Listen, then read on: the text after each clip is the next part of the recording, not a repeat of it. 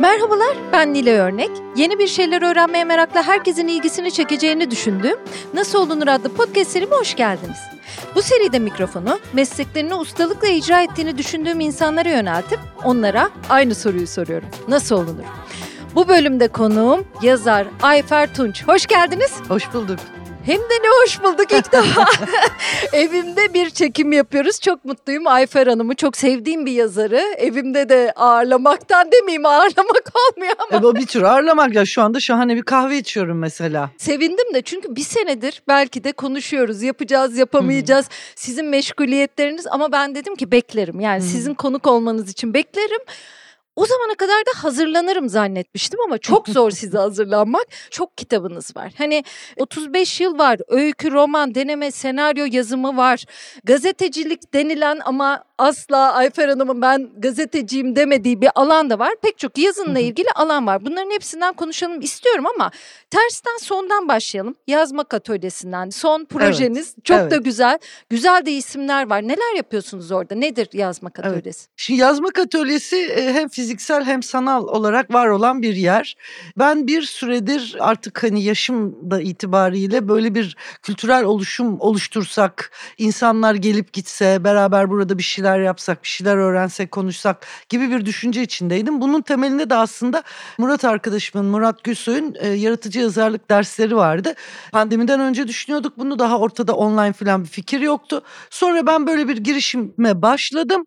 Tam böyle yerimizi hazırlayacağız. Tadilat için kazma vurulacağı gün pandemi patladı. Uh. Çok yeni bir şeydi. Hepimiz için çok yeni bir şeydi. Bütün dünya ile birlikte biz de şoke olduk ve durdurduk tabii çalışmayı. Çünkü ne olacağı belli değil. Fakat o süreç içerisinde Murat online'a geçti ve online'ın aslında büyük bir bu türden atölye eksiği olduğunu, insanlarda böyle büyük bir ihtiyaç olduğunu ortaya çıkardı. Tabii ki online olarak pek çok insana ulaşalım ama asıl yapmak istediğim şey top ağacında bizim yerimiz Oraya gelinsin fizik olarak karşı karşıya gelelim. Fizik olarak konuşalım. Etkinlikler yapalım. Şimdi yüz yüze etkinliklerimize de başlıyoruz yavaş yavaş. Ve orası bir kültür buluşma noktası olsun. Amacım oydu. Pandemi bir miktarı engellemiş olmakla birlikte dünyaya ulaşmamızı sağladı. Burada biz neler yapıyoruz? Dört alan diye düşünüyoruz bunu. Yazmak atölyesi, okumak atölyesi, düşünmek atölyesi ve öğrenmek atölyesi diye e, farklı başlıklarda değerlendiriyoruz.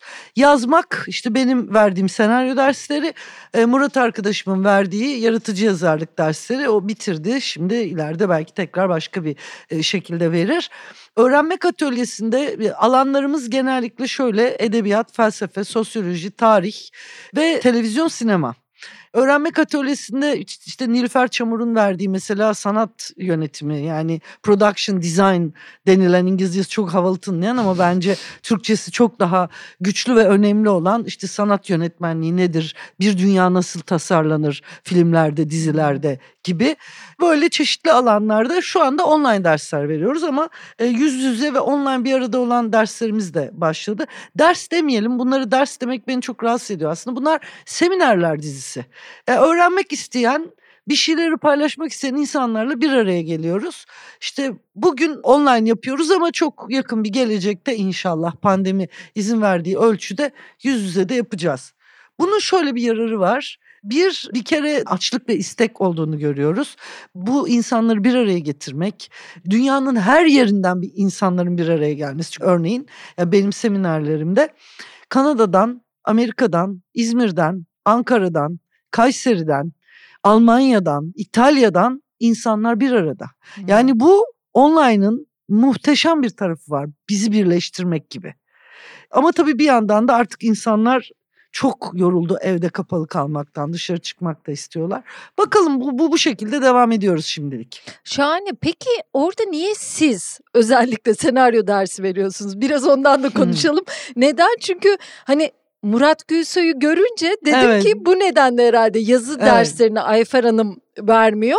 Ama sizin senaryo tarafınız da var. Hayatımı kazandığım iş senaryo Evet, yazmak. Evet. Ve ben bu e, özellikle dizi senaryosu yazmak süreç içerisinde bu işin yöntemlerini yaparak öğrendim ve kendi kendime öğrendiğim şeylerin de çok değerli olduğunu düşünüyorum ve bunların paylaşılması gerektiğini düşünüyorum. Hmm. Çünkü Türkiye'de senaryo eğitimleri çok kötü veriliyor. Okullar da dahil buna. E işte okullardan mezun olmuş öğrenciler geliyor. Yani bir takım Amerikan klişe senaryo kitaplarından öğrenilmiş bilgilerle geliyorlar. Halbuki öğrenmek bir kere böyle bir şey değil. Yani bir bilgi tek bir haliyle kalmaz. Zamanla değişir. Bilim bile öyle yani. Ben çocukken dünya güneşten kopmuş soğuyan bir kütleydi. Benden sonrakilerde toz ve gaz bulutlarının sıkışmasından oluşmuş bir kitle oluştu. Şimdi dünya nasıl oluştu sorusunun cevabını bilmiyorum. Demek istediğim bilim bile sürekli yenilenirken aynı sabit bilgiyle devam etmek yanlış bir eğitim tarzı. Bence zaten dünyadaki gelecekteki eğitimle ilgili problemlerin başında da bu geliyor. Eğitimi sürekli tazelemek, yenileştirmek geliştirmek gerek. Bir de ben öğrenmenin en iyi yolunu yapmak olduğunu düşünüyorum. Yaparak öğrendiğim şeyleri paylaşmak istiyorum. Bu nedenle yaptım. Bir şeyi de Murat Gülsoy yaratıcı yazarlık derslerinde o kadar başarılı ki, o kadar mükemmel anlatıyor ki ben onun kalibresine ulaşamam. Yani o yaratıcı yazarlıkta senelerdir birikmiş bir tecrübesi var onun. E, dolayısıyla o böyle bir ders verken benim biraz haddimi aşmam olur. E, ama senaryo konusunda da ben iddialıyım. Özellikle dizi senaryosu konusunda çünkü bir yandan da sinemanın ne kadar alanının daraldığını, popüler sinemanın özellikle tamamen teenage'lere göre kilitlenir bir hale geldiğini, hmm. buna karşılık dizi dünyasının geliştiğini görüyoruz. Tabii çok büyük değişmeler var. Zaman ve teknoloji her şeyi çok değiştiriyor. İşte bu dijital ortamlar, yeni platformlar sinemanın da niteliğini değiştiriyor. Evde seyredilen bir şey haline geliyor. Sinema fizik mekan olmaktan çıktı. Dolayısıyla şimdi bu platformlar film yaptırmak istediklerinde, film yaptırdıklarında gene eski kodlara dönüş oluyor kimisinde ama kimisinde de olmuyor. Dolayısıyla kartların yeniden dağıtıldığı bir alan e, gibi duruyor sinema televizyon alanı. Çok dinamik, onun içinde çok heyecan verici. Orada söyleyeceğim daha çok şey olduğunu düşünüyorum biraz ondan. Bir de şimdi yeniden sıkı edebiyatçıların da yazarların da bu dizi ya da film dünyasına daha çok girdiğini görüyoruz sanki. Değil mi? Bir dönem öyle bir dönem var hani işlerin ilk başladığında. Sonra azalmış gibi sadece bu sektör için işler yapan, senaryo yazan insanlar varmış. Türkiye'den mi söz ediyoruz? Dünyada da onu Aha. görüyorum ben. Ha, dünyada dediğimde Hollywood'dan bahsediyorum evet, canım. Doğru. Yalan tabii tabii doğru. Zaten hani izlediğim bu sektörde dünya dediğimiz yer Hollywood zaten. Hollywood dersek öyle görüyorum. Şimdi evet. edebiyatçıların yazdığı dizileri genç kuşak bu özellikle yeni tip kanallarda tabii, da izlemeye tabii. Başlıyoruz ve daha doyurucu geliyor benim tip tabii. izleyiciye mesela. Öyle şimdi bir, bir iki şeyi bir kere mutlaka gözümüzün önünde bulundurmamız lazım. Biz şimdi bir dijital çağa geçtik. Hı hı. Bunun ne demek olduğunu, ne kadar önemli bir şey olduğunu hala tam olarak idrak etmiş değiliz. Bu aslında bizden sonraki kuşaklarla aramızdaki makas daha da açıldıkça idrak edeceğiz. Biz okuyarak öğrenen bir kuşaktık. Yeni kuşaklar izleyerek öğrenen bir kuşak. Yani çocuklar okuyarak öğrenmek istemiyorlar. Benim yeğenim tarih derslerini video seyrederek çalışıyor. Ya bu benim aklımın almadığı bir şey mesela. Ama o oturuyor bir konu öğrenmesi gerekiyorsa o konuda video var mı onu araştırıyor. Şimdi dijital devrim aslında tıpkı sanayi devrimi gibi, elektriğin bulunuşu gibi çok önemli bir devrim. Hayatımızda çok kökten çok derin değişimlere yol açtı. Bu edebiyatı sanatı da etkiledi doğal olarak. Şimdi mesela dijital sanat diye bir şey doğdu. Müthiş bir sanat alanı. Şimdi geldiğimiz noktada dünyada değişmeyen de bir şey var hikaye ihtiyacı. İnsanlık Adem'le Havva'dan beri, Adem'le Havva demek de tehlikeli bir noktaya geldi şimdi ama Hazreti Adem'le Hazreti Havva'dan beri diyerek kendimizi garantiye alalım. O zamandan beri hikaye anlatıyor yani kutsal kitaplar dediğimiz şeyler hikayelerden oluşur aslında. Dolayısıyla insanlığın hikaye ihtiyacı bitmiyor. Ama okuma ihtiyacı yani okuyarak öğrenme ve okuma alışkanlığı giderek zayıfladığı için ne yazık ki bunu üzülerek söylüyorum. Bunun çok önemli bir eksi tarafı var. Onu da söylemem gerekiyor. İnsanlar görsel anlatıya daha fazla yöneliyorlar okuyarak öğrenmemenin ya da okumanın azalmasının yarattığı çok büyük bir problem soyutlama niteliğinin düşmesi. Evet. Çünkü hmm. kelime ile görüntü aynı şey değil. Kelime gerçek anlamda bir soyutlamadır kelime dediğimiz şey harflerden oluşan bir işarettir ve zihnimizde masa dediğimizde herkesin zihnindeki masanın fotoğrafını çekebilsek masa kelimesi söyleyen insan sayısı kadar masa imajı buluruz. Ama masayı gösterdiğimiz zaman odur.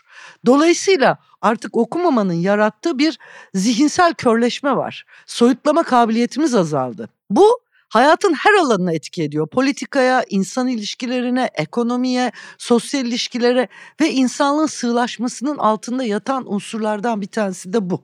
Biraz böyle iddialı bir şeye gideceğim ama iddialı bir konuşma yapacağım ama bu sığlık insanı mutsuz ediyor. Çünkü insan aslında bu kadar sığ olmaması gereken bir varlık. Sığlaştıkça mutsuz oluyor, mutsuz oldukça da kendisini sığlaştıran ürünlere yöneliyor tekrar. Bu alışveriş tutkusu gibi bir şey. Yani bir, bir kısır döngü. Dolayısıyla ne zaman ki insan tekrar soyutlama yeteneğini elde edeceği alanlara geri döner, o zaman tekrar zihinsel olarak tatmin olan bir insan haline dönüşür. İşte bizim atölye gibi atölyelerin çığ gibi artmasının altında yatan nedenlerden bir tanesi de bu. Sığlaştığını fark eden insanın derinleşme ihtiyacı araması. Sosyolojide arıyor, felsefede arıyor, edebiyatta arıyor. Şimdi bunların gösteri dünyasına dönüşmesine bakacak olursak nitelikli hikaye bu işte emek vermiş insanlardan çıkıyor. Hmm, nitelikli tabii. hikaye nitelikli yazarlar tarafından üretiliyor. Türkiye'de Türkiye tarihine baktığımızda sinema televizyon yazarlığı yani senaristlik edebiyatçıların ekmek kapısı olmuş. Yani Orhan Kemal senaryo yazarak geçinmiş. İşte Kemal Tahir, Atilla İlhan ki çok iyi senaryoları vardır. Ee, aslında Türkiye'nin bir anlamda sinemanın temelini de edebiyatçılar atmış diyebiliriz. Onlar yetiştirmiş bazı senaristleri. Oturup öğreterek değil, onların yazdıklarını izleyerek öğrenmişler. Dolayısıyla aynı ihtiyaca geri döndük. Sinema bir dönem edebiyatçıları dışında tutarak kendi popüler kültür niteliğiyle kendine göre yazarlar aradı. Ama şimdi popüler kültür ile nitelikli kültürün de iç içe geçtiği bir alanla karşı karşıyayız. Çünkü hepimiz dizi seyretmek istiyoruz. Nitelikli olanı seyretmek istiyoruz. Büyük çoğunluğumuz diyelim True Detective'i seyretmekten hoşlandık. Hoşumuza gitti. bir ya da Fargo'nun o dizi formatı son derece etkileyiciydi. Hani bu tür şeyleri izlemek istiyoruz. Bu tür şeyleri görmek istiyoruz. Ama unutmamamız gereken bir şey var. Gösteri dünyası aynı zamanda ticari bir dünyadır. Yani bu ticari dünya ile sanatsal dünyanın çarpıştığı, kesiştiği, yer yer uzlaştığı, yer yer çatıştığı bir alan. Dolayısıyla iyi hikaye ihtiyacı arttıkça iyi edebiyatçıya olan davette artacak. Bu da niteliği yükseltir. Yani izlediğimiz şeylerin daha nitelikli olmasını sağlar. Buradaki tek mesele yeter ki e, edebiyat alanı çoraklaşmasın. Onda da Türkiye'de öyle bir tehlike görmediğimi söylemeliyim. Aşağıdan çok güzel genç yazarlar geliyor. Hmm. Yani genç yazarlar çok güçlü, çok iddialı, beni şaşırtıyorlar ve de az değiller yani. Çok güçlü bir nesil geliyor. Hı hı. Sizin konuşmalarınızda o vurguyu yakalıyorum aslında. Senaryo derslerindeki sizin haftalarınıza baktım. 15-16 hafta sürüyor galiba hı hı. değil mi? Evet, Ve evet. o her haftada bir konu işliyorsunuz. Mesela mekan dramaturjisi gibi. Hı hı hı. Sizin şimdi kitaplarınızda da bir atmosfer var. Atmosfer yaratmak herhalde kitaplarınızın çok önemli başarı öğelerinden biri. Bu atmosfer yaratmak nasıl mümkündür ve nasıl doğrusu yapılır, güzeli nasıl yapılır? Sinema televizyonda atmosfer yaratma ile edebiyatta yaratma çok farklı bir kere. Onları tabii, birbirinden ayıralım tabii. Birinde birinde his var. Bir his yaratmamız hmm. gerekiyor. Şimdi benim edebiyatta mesela Murat'la çok konuşuruz. Mesela o bir karakter yaratırken hemen mesleğini düşünür ne iş yapıyor olur bu insan? Evet siz diye. onu çok önemsemiyorsunuz. Mesela benim bazı Hiç. senarist arkadaşlarım meslek ilk önce olmalıdır Hiç diyor. ben öyle senaryoda önemli çünkü göstereceksiniz hmm. onu. Yani hmm. senaryoda karakterin mesleği önemlidir çünkü onu hareket halinde göstermeniz gerekir. Eylemsel olarak göstermeniz gerekir. Eğer bir art house film yapmıyorsanız ve kişinin mesleğinin ne olduğu önemli değilse. Ama edebiyatta bir romanın içerisinde mesleğinin ne kadar yer tuttuğu önemlidir. Ama benim için mesela o hikayenin geçtiği mevsim birinci soru. Bu bir yaz hikayesi mi, kış hikayesi mi? Yani yaz hikayesi ise eğer ben nasıl bir atmosfer oluşturmak istiyorum? Bu yaz hikayesinde karakter ne hissetmeli? Mutlu mu olmalı? Bunalmalı mı? Yaz sıcağı başına mı geçmiş olmalı? Yani yazın yarattığı o baygın düşmüş insanların hikayesini mi anlatmalıyım ki Latin Amerika edebiyatında çok sık karşımıza çıkar mesela? Yoksa tam tersine soğuk kışın yarattığı bir melankoli duygusunda mı hareket etmeliyim? Şimdi bu benim için birinci sorudur atmosfer yaratırken. İkincisi Şimdi bir roman yazmaya nasıl başlıyoruz? Başlarken beni kurcalayan bir mesele vardır. Bunun adını bile koymamışımdır aslında baştan. Yani bu atmosferle, karakterin nüvesiyle hepsi bir arada gelişmeye başlar yavaş yavaş.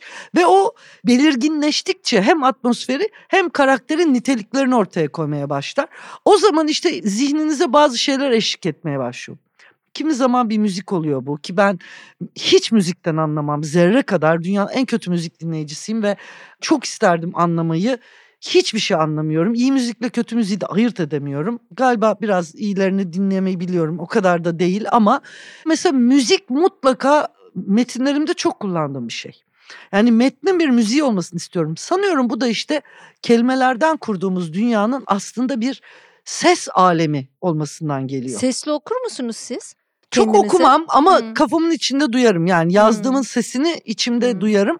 Sesli okumanın da çok iyi sonuç verdiğini düşünmüyorum benim için. Ama kafamın içinde o sesi mutlaka yakalamaya çalışırım. Onun için de metnin sesi çok önemli. Atmosferi yapan ögelerden biri de budur. Metnin sesidir aslında. Ve de şimdi mesela Borges'in karakterlerini ya da öykülerini düşünün. Onda bir atmosfer vardır. Tabii. Nasıl tarif edebilirsiniz bunu? Edemezsiniz. Yani tarife sığmayan bir atmosferdir bu. Ama orada bir atmosfer olduğu, karakterin böyle biraz tekinsiz, biraz gizemli, sanki böyle gri bir yerinde ışık olan bir atmosferin bir gökyüzünün altında hareket ettiği, hafif yalnız olduğu ya da böyle bir takım duraklara uğrayıp oralardan bir şeyler bütünleştirdiği gibi bir his yaratır bizde e, Borges'in öyküleri. Dolayısıyla okuduğumuz yazarların atmosfer yaratma becerilerinin altında bu vardır aslında. Kullandığımız unsurlar ne? Metnin kendi sesi. Dediğim gibi işte o metne ruhunu verecek olan duygu. O temel duygu ne? Melankoli mi, öfke mi, kızgınlık mı, üzüntü mü? O temel duygu aslında metnin rengini belirler. Ama şimdi görsel dünyaya geldiğimizde bunların hiçbirini kullanamıyoruz. Çünkü bunlar biraz önce söylediğim gibi soyutlama nitelikleri. Tabii. Bizim bunları görselleştirmemiz lazım. Şimdi mesela bu katılımcılarla şeyi konuşuyoruz bazen ödev yapıyorlar. Öyle bir cümle kuruyor ki diyorum ki bunu bana görselleştirin. Görselleştiremezsiniz çünkü orada bir soyutlama kullanmışsınız. Hmm. Onu görsel olarak ifade etmeniz gerekir. Ben yönetmenim bu cümlenizi nasıl görselleştireceğim? En büyük temel ayırım bu. Dolayısıyla senaryo için atmosfer kurarken de temel malzemenin ne olduğuna bakmak gerekir. Mesela ben Sait Faik'in öykülerinden Havada Bulut diye dört bölümlük bir televizyon dizisi yazdım TRT'ye. Bütün öyküleri bir kere önce otopsi masasına yatırdım, parçaladım yani. Aşağı yukarı 200 öykü. Her biri için nerede geçiyor, kimler var, hangi mevsimde geçiyor ve temel duygusu ne? Bunları yazdım. Ondan sonra böyle bir ipin üzerine ben bunları dizebilir miyim? Hangisi hangisiyle akraba olur? Hangisiyle hangisini bir araya getirebilirim diye baktım. Mesela çok özgün bir çalışmaydı benim için. Çok değerli bir çalışmaydı bu nedenle. Hiç alışık olmadığım bir şekilde çalıştım. Ama yazar çalışması işte. O Tabii, tersine tabii. mühendisi öyle tabii yapıyorsunuz. tabii. Hmm. O zaman da elinize ne geliyor? Bir temel duyguyu buluyorsunuz. Bu temel duygu aslında hep derslerde de söylediğim hikayenin koru denilen şey yani özü, özünü oluşturan şey. Onun üzerine kuruyorsunuz. Bu pişmanlık olabilir, bu aşk olabilir, bu üzüntü olabilir, bu melankoli olabilir. Her ne ise anlattığınız şey ya da haksızlığa uğramışlık olabilir ve bu temel duyguyu oluşturan atmosfer unsurlarını da ondan sonra oluşturuyorsunuz. Yani çok zevkli ama tarif etmesi biraz zor bir iş. Evet bir de ikisi farklı olduğu için Çok, işte sizin evet. dediğiniz gibi ne kadar farklıymış şu anda Çok. düşündüm değil mi? Evet, evet. Yani bir de senarist daha çok yönetmene de bırakıyor. Yani sadece işte fiziki ve çok da soyut olmayan cümleyi yazdıktan sonra o dünyayı yaratmaya yani yazarın sizin yaptığınız normalde edebiyattaki işi siz yönetmene devrediyorsunuz biraz tam da. anlamıyla ekip işi. evet. tam- Görsel iş yani sinema, Hmm. televizyon dediğimiz iş tam anlamıyla ekip işi. Siz dünyanın en iyi senaristi olabilirsiniz. Yönetmeniniz kötüyse, sanat yönetmeniniz dünyayı kuramamışsa, oyuncu iyi oynamıyorsa Hmm. bir değeri yoktur. İyi kötü Hmm. izlenir bir şey çıkar ama niteliği olmaz. Ya da harika bir yönetmen olabilirsiniz ama elinizdeki metin çok kötüdür, çözümlememiştir, karakter oluşmuyordur. Gene başarılı olmaz. Hikaye aksıyordur, gene başarılı olmaz. Dolayısıyla ben dört unsurdan oluştuğunu düşünüyorum görsel hi- hikayelerin yani sinema televizyon işinin. Senaryo, reji, oyunculuk ve sanat yönetimi. Yani sanat yönetimi bizde çok ihmal edilen bir şey. Evet. Halbuki ne kadar değerli olduğunu bizi etkileyen atmosferleri görünce anlıyoruz ama burada da bir önemli ayrım noktası var. Bu dört unsurun birbirini ezmemesi gerekir. Mükemmel iş bunların dengeli bir araya gelmesi de oluşuyor. Yani sanat yönetimi sizi ezerse diyelim ki oyuncuyu oyun size geçmiyor. Ya da işte reji, reji numaralarıyla hikayeyi deforme ederse gene o hikayeden beklediğiniz tadı almıyorsunuz. Dolayısıyla bu gerçek anlamda bir denge ve ekip işi. Hmm. Siz zamanında çok ekip işi de yapmış insansınız. Tabii. Ekibin başarısı sizin de başarınız ya da tam tersi. Ama şimdi yazar olarak daha tek başınasınız. Hangisi sizin için daha tercih edilir? Tabii ki tek başınalığı tercih Hmm, ederim. Yani evet, ben hiç e, ama mesela yani e, gelecekte sadece romanlarımı yazayım ve yazmak atölyesiyle ilgileneyim. Mesela istediğim şey bu gelecekte. Ya o da ekip işi. Yazınızı başkasına teslim etmek. Mesela sizin yazınızdan senaryo çıkartılsa ya da senaryo siz yazdınız ama başkaları çekecek. Zor bir tercih olabilir sizin için gibi Değil geldi. aslında. Orada Hmm. şöyle bir şey var. Şimdi bu işin dinamiklerini anladığınız zaman bu Hmm. anlayışı da ortaya koyuyorsunuz. Evet anladım. Ee, yani şimdi mesela Sait Faik e, senaryosunda Havada Bulut'ta e, yönetmeni tanımıyorum, ekibi hiçbir şey tanımıyorum ve hiçbiriyle de ya iş bitene kadar da görüşmedim aslında. Bir de ben ekip işi gibi yapıyorum gibi görünür ama ben işimi yapıp çekilirim. Yani öbürleriyle birlikte iç içe çalışma adetim yoktur. Sete gitmem. Hiç tanışmadığım yönetmenler vardır. Çalışmışımdır ama kendisini görmemişimdir filan. Dolayısıyla bu ekip işinin ekibin bu işin neresinde ne kadar olduğuna kafanız yatıyorsa orada ikna iseniz tamam. Ama kendi eserlerimden uyarlama olunca iş değişiyor. Tam onu soracaktım. Evet yani Evet. onda da öyle misiniz? diye. Şimdi mesela senaryo yazıyorsunuz. Özgün hikayeniz olabilir, sizin hikayeniz olabilir televizyon için veya sinema için. O onu siz bir senaryo olduğunu ve bunun aslında o hikaye sizin bile olsa bu ekip işinin bir parçası olduğunu bilerek yazıyorsunuz ve zaten o hikayeyi düşünürken anladım. kurarken ona göre kuruyorsunuz. Ama şimdi mesela benim öykülerimden özellikle ben bu işlere başlamadan önce televizyonda uyarlananlar oldu. Saçım başımı yoldum. Hı. Onun için işte çok istiyorlar Osman'ı Yeşilperi gecesini. Hayır istemiyorum. Kıyamıyorum. Çünkü başka bir şey. Yani orada amaç görselleştirilmesi değil. Onun için uyarlamalar çok ciddi sorundur. Bu konuda da yalnız değilim yani uyarlamasından mutlu olan yazar da azdır yani dünya üzerinde. Herhalde Margaret Atwood'tur burada en çok mutlu olan. Kazandı para açısından olabilir. John Fowles'un bir metnini bu sanıyorum zaman tünelinde bahsediyordu. Bu Fransız teğmenin kadını onun romanı. Evet. Ee, ve birlikte yazıyor üstelik kendisi de yazıyor senaryoyu senelerce de sürüyor uzun uzun tartışıyorlar vesaire ve çok mutsuz filmin sonucuna halbuki insanlar çok beğendi filmi ben de çok beğendim yani işte Meryl Streep Jeremy Irons belki hatırlarsınız Tabii, filmi tabii. izlediğimde çok beğendim ama adam beğenmedi ve haklı bunu beğenmemekte film kötü olduğundan değil o başka bir ürün yani bunu kabullenmek meselesi bu. O başka bir ürün ve uyarlamaların birebir uygun olması asla gerekli değil. Hı hı. Yani ve yanlış bir şey. Uyarlama sadık olmalı. Sadık olursa güzel olmaz. Çünkü başka bir mantık. Bu atmosfer yaratımından bir de histen bahsettik. Hı hı. Mesela ben sizin yazınızı okurken inanılmaz bir psikoloji görürüm. Yani insan psikolojisini çok anlamış, nasıl bunu görmüş, buradaki çiğliği nasıl yakalamış. Yani pek çok insan da size bunu söylüyordur.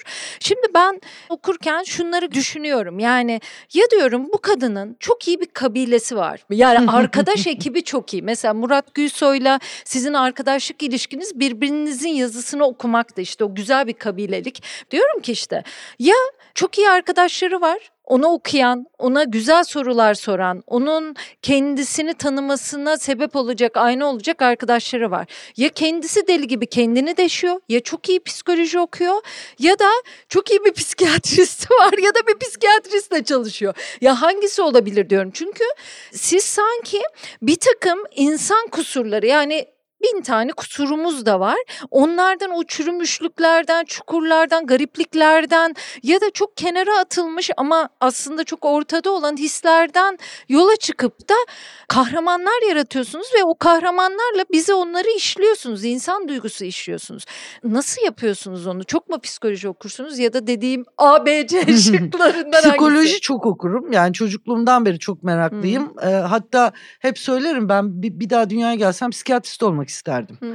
Ee, çok ilgimi çekiyor yani delilik hali yani o normalin dışında olmak, o sapma, Ya. o hayatın dayattığı yolun dışına çıkma becerisi ya da ihtirası ya da acısı her neyse o beni çok ilgilendiren bir şey. Ee, Kendimi bildim bileli. Tabii ben e, Adapazarı'nda doğdum. Bir küçük şehirde doğdum ve 64 doğumluyum. O tarihte ya bu dijital devrimden önceki dünyanın bambaşka bir dünya olduğunu, zamanın çok daha yavaş olduğunu, kodların bambaşka olduğunu e, mutlaka hatırlatmak gerekiyor. Çok deli vardı bizim zamanımızda. Yani daha sokaklarda sokakta. Tabii evet. sokaktaydılar Tabii, tabii. ve onlar aslında Türkiye'nin Osmanlı'nın da geleneği olarak delilere karşı daha sevecen bir tarafı vardır. Mecnun olarak görürler onları ve genellikle de büyük aşktan kafayı üşüttükleri düşünülür. Aslında değil yani. Bir de çok zarar vermez yani o sokaktaki deliler. Çok deli vardı ve ben bununla çok ilgilenirdim çocukluğumdan beri ama şöyle bir şey vardı. Ben çok okuyan bir çocuktum. Temel mesele ben okumaya başladığım anda yazmaya başladım. Okumayı öğrendim ve yazdım. İlkokul 2'de yazdım. İlk romanım hani bunu şeydi sanat hayatıma çok küçük yaşlarda başladım. Klişesi olarak söylüyorum ama çünkü daha fazla zevk aldığım bir şey yoktu.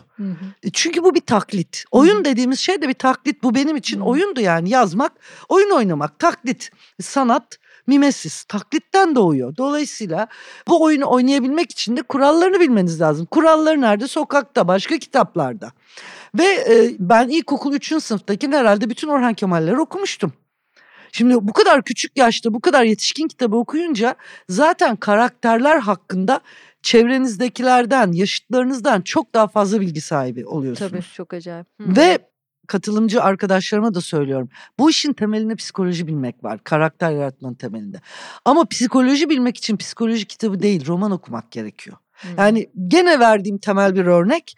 Biz kocasını aldatan kadın hikayelerinde bir şey anlayabiliyorsak e, bu Anna Karenina'yı okuduğumuz için, bu Aşkı Memnu'yu okuduğumuz için, bu Madame Bovary'yi okuduğumuz için. Yani biz zaten o kadın duygusunu, o kadının içindeki onu aldatmaya iten duyguyu edebiyat aracılığıyla zaten zihnimize alıyoruz. Yani okumanın, okuduklarımızı unutmanın insanlarda yarattığı hayal kırıklığı çok boşunadır. Çünkü o aslında bizim besleyen gıda gibi zihnimizi besler ve orada durur. Bizde bir bilgi alanı oluşturur ve biz dünyaya artık o bilgi alanıyla bakarız. Ee, ve bunun farkında değilizdir. Dolayısıyla e, psikoloji okumayı da ayrıca çok severim. Çok ilgilendiğim e, şeylerde, dallarda vardır. Yani Freud'un edebiyatçıları bu kadar etkilemiş olması boşuna değil. Çünkü Freud bize insan duygularının anahtarlarını verdi. Ha kilidi hepsini açıyor mu doğru mu? Hayır. Hele modern psikolojiye, psikiyatriye bakarsak birçok yerde de hatalı. Ama edebiyat anlamında bize müthiş bir zenginlik kazandırdı. Yani Marksizm ve Freudizm yani en faydalı oldukları alanlar edebiyattır bunların. Yani belki daha faydalı oldukları başka alan yoktur. Çok güzel başlık oldu.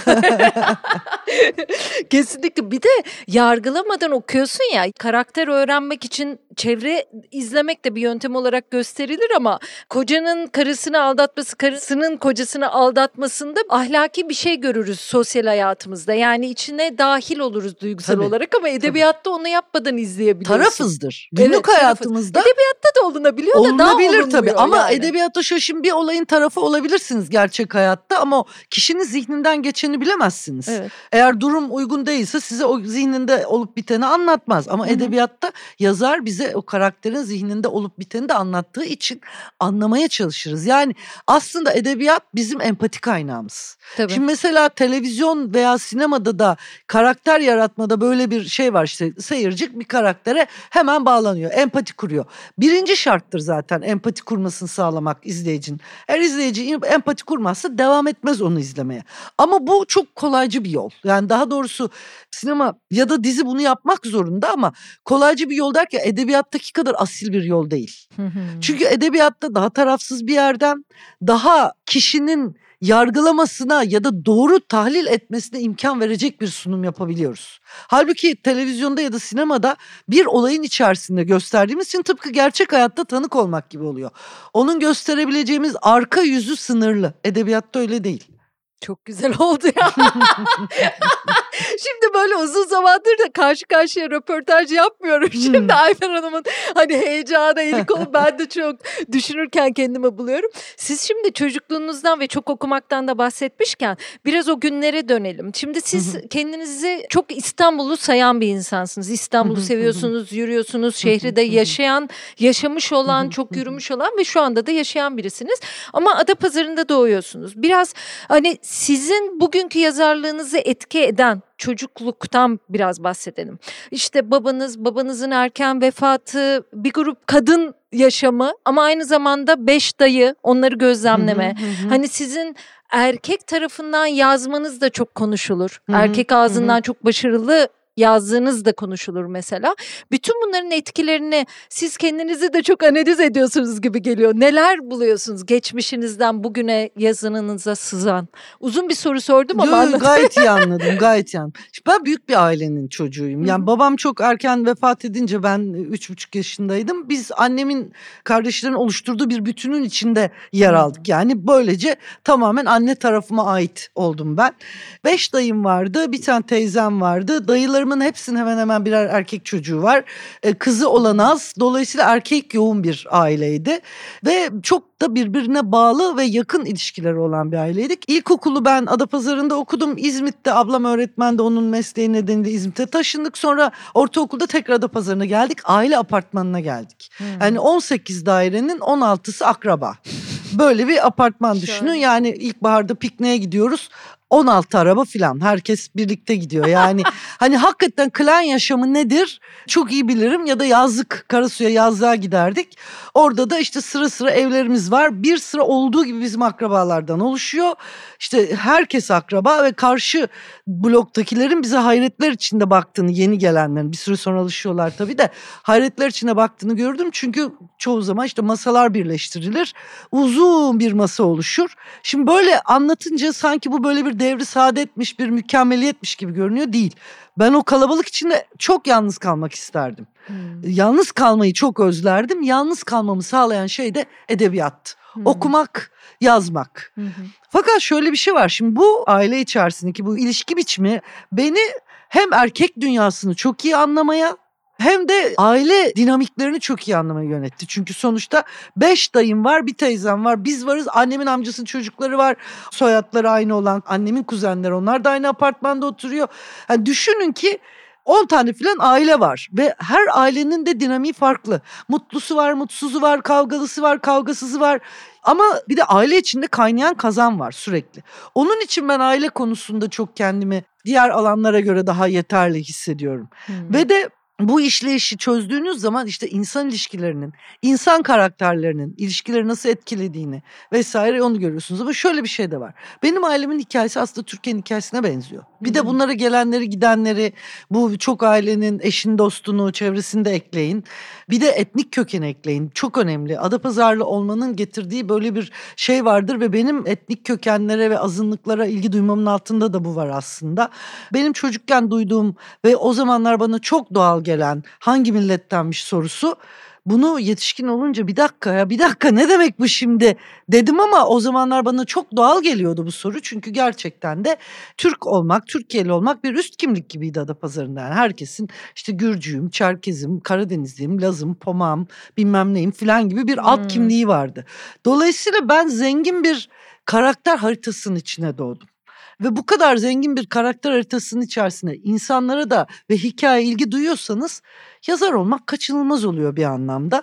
Bir de tabii okumanın verdiği zevk ve okurken daha benim malzemem var duygusu böyle bir yol çizmiş olabilir bana. Hı hı. Sizin temalarınızdan birkaçına şimdi bakıyorum da siz anlattıkça bir çocuğun ailesinden kurtulması birey olmasını sağlıyor ya onlarla eşit düzeye gelmesi, kendini başka bir yere getirmesi.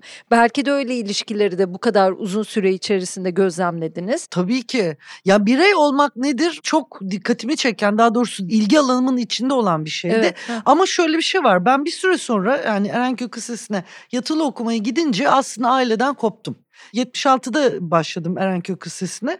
O tarihte biliyorsunuz Türkiye'de çok büyük bir şiddet vardı, terör vardı yani sokaklarda ve Adapazarı'nda ikide bir okullar kapanır bilmem ne olur falan filan böyle büyük bir şiddet vardı. Bir de bizim aile okumaya çok önem veren, çok iyi okunsun isteyen bir aileydi. Annem özellikle. Çok başarılı olmadılar onu söyleyeyim yani. İstisnadır aileden iyi okuyan çıkması.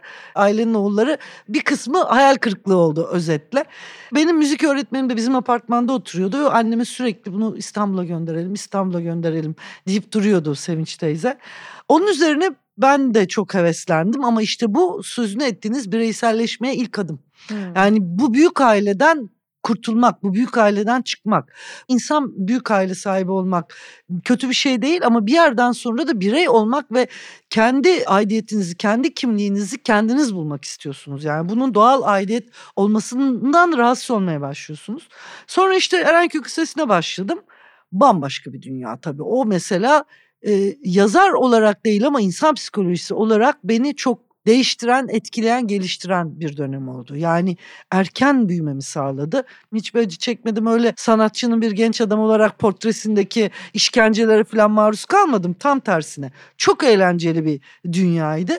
Ama oradaki işte buruk insan hikayeleri, kırık hikayeler gerçekten etkileyiciydi. Şimdi Türkiye enteresan bir ülke. O tarihte bu tür okullar yani Erenköy Kız Lisesi, Kandilli Kız Lisesi, Üsküdar Kız Lisesi gibi okullar Anadolu'da çocuklarını kızlarını iyi okutmak isteyen ailelerin çocuklarını gönderdikleri okullardı. Hmm. Ve genellikle makul bir parayla okunuyordu burada yatılı olarak. Hani bugünün şartlarına göre daha makuldü diyelim.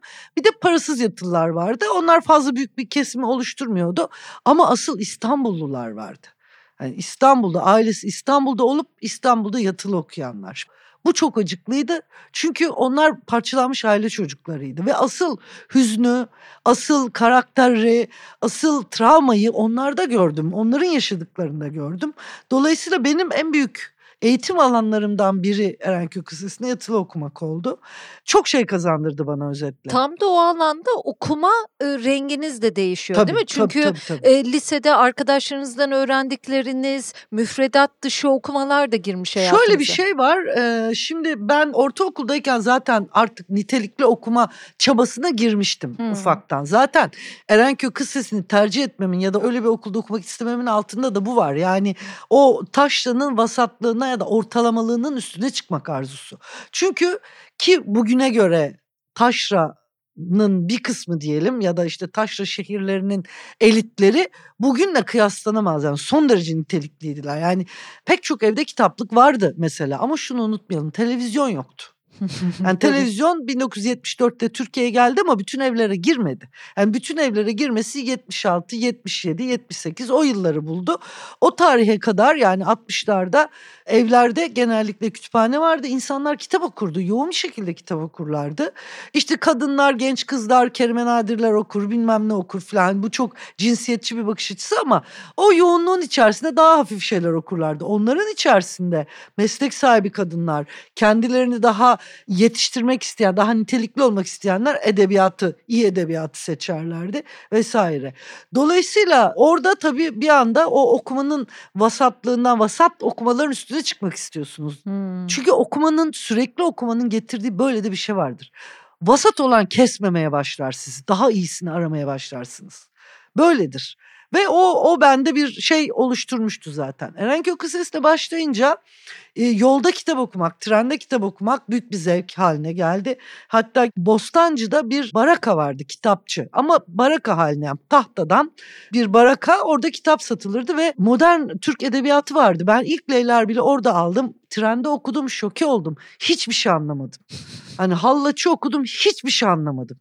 Sonra dedim ki yani bunu basmışlar. Demek ki bunda bir şey var. Bunda olan şey ne? Hmm. Ben bunu anlamalıyım. Şimdi ben bunu okuduğumda lise 1'deyim. Şimdi bu bir tür şey beni işte o edebiyatın uzattığı ipti kendine doğru çeken ve ben o ipe tutundum ve benim onun için edebiyattaki en büyük ipim Leyla Erbil'dir. Onun yoluyla ben çok tırmandım ve o ipe tutunarak ilerledim. Dolayısıyla okuma dünyası böyle geliştirdi beni. Erenköy Lisesi'ne geldiğimde zaten belli bir çıtanın üstündeydim.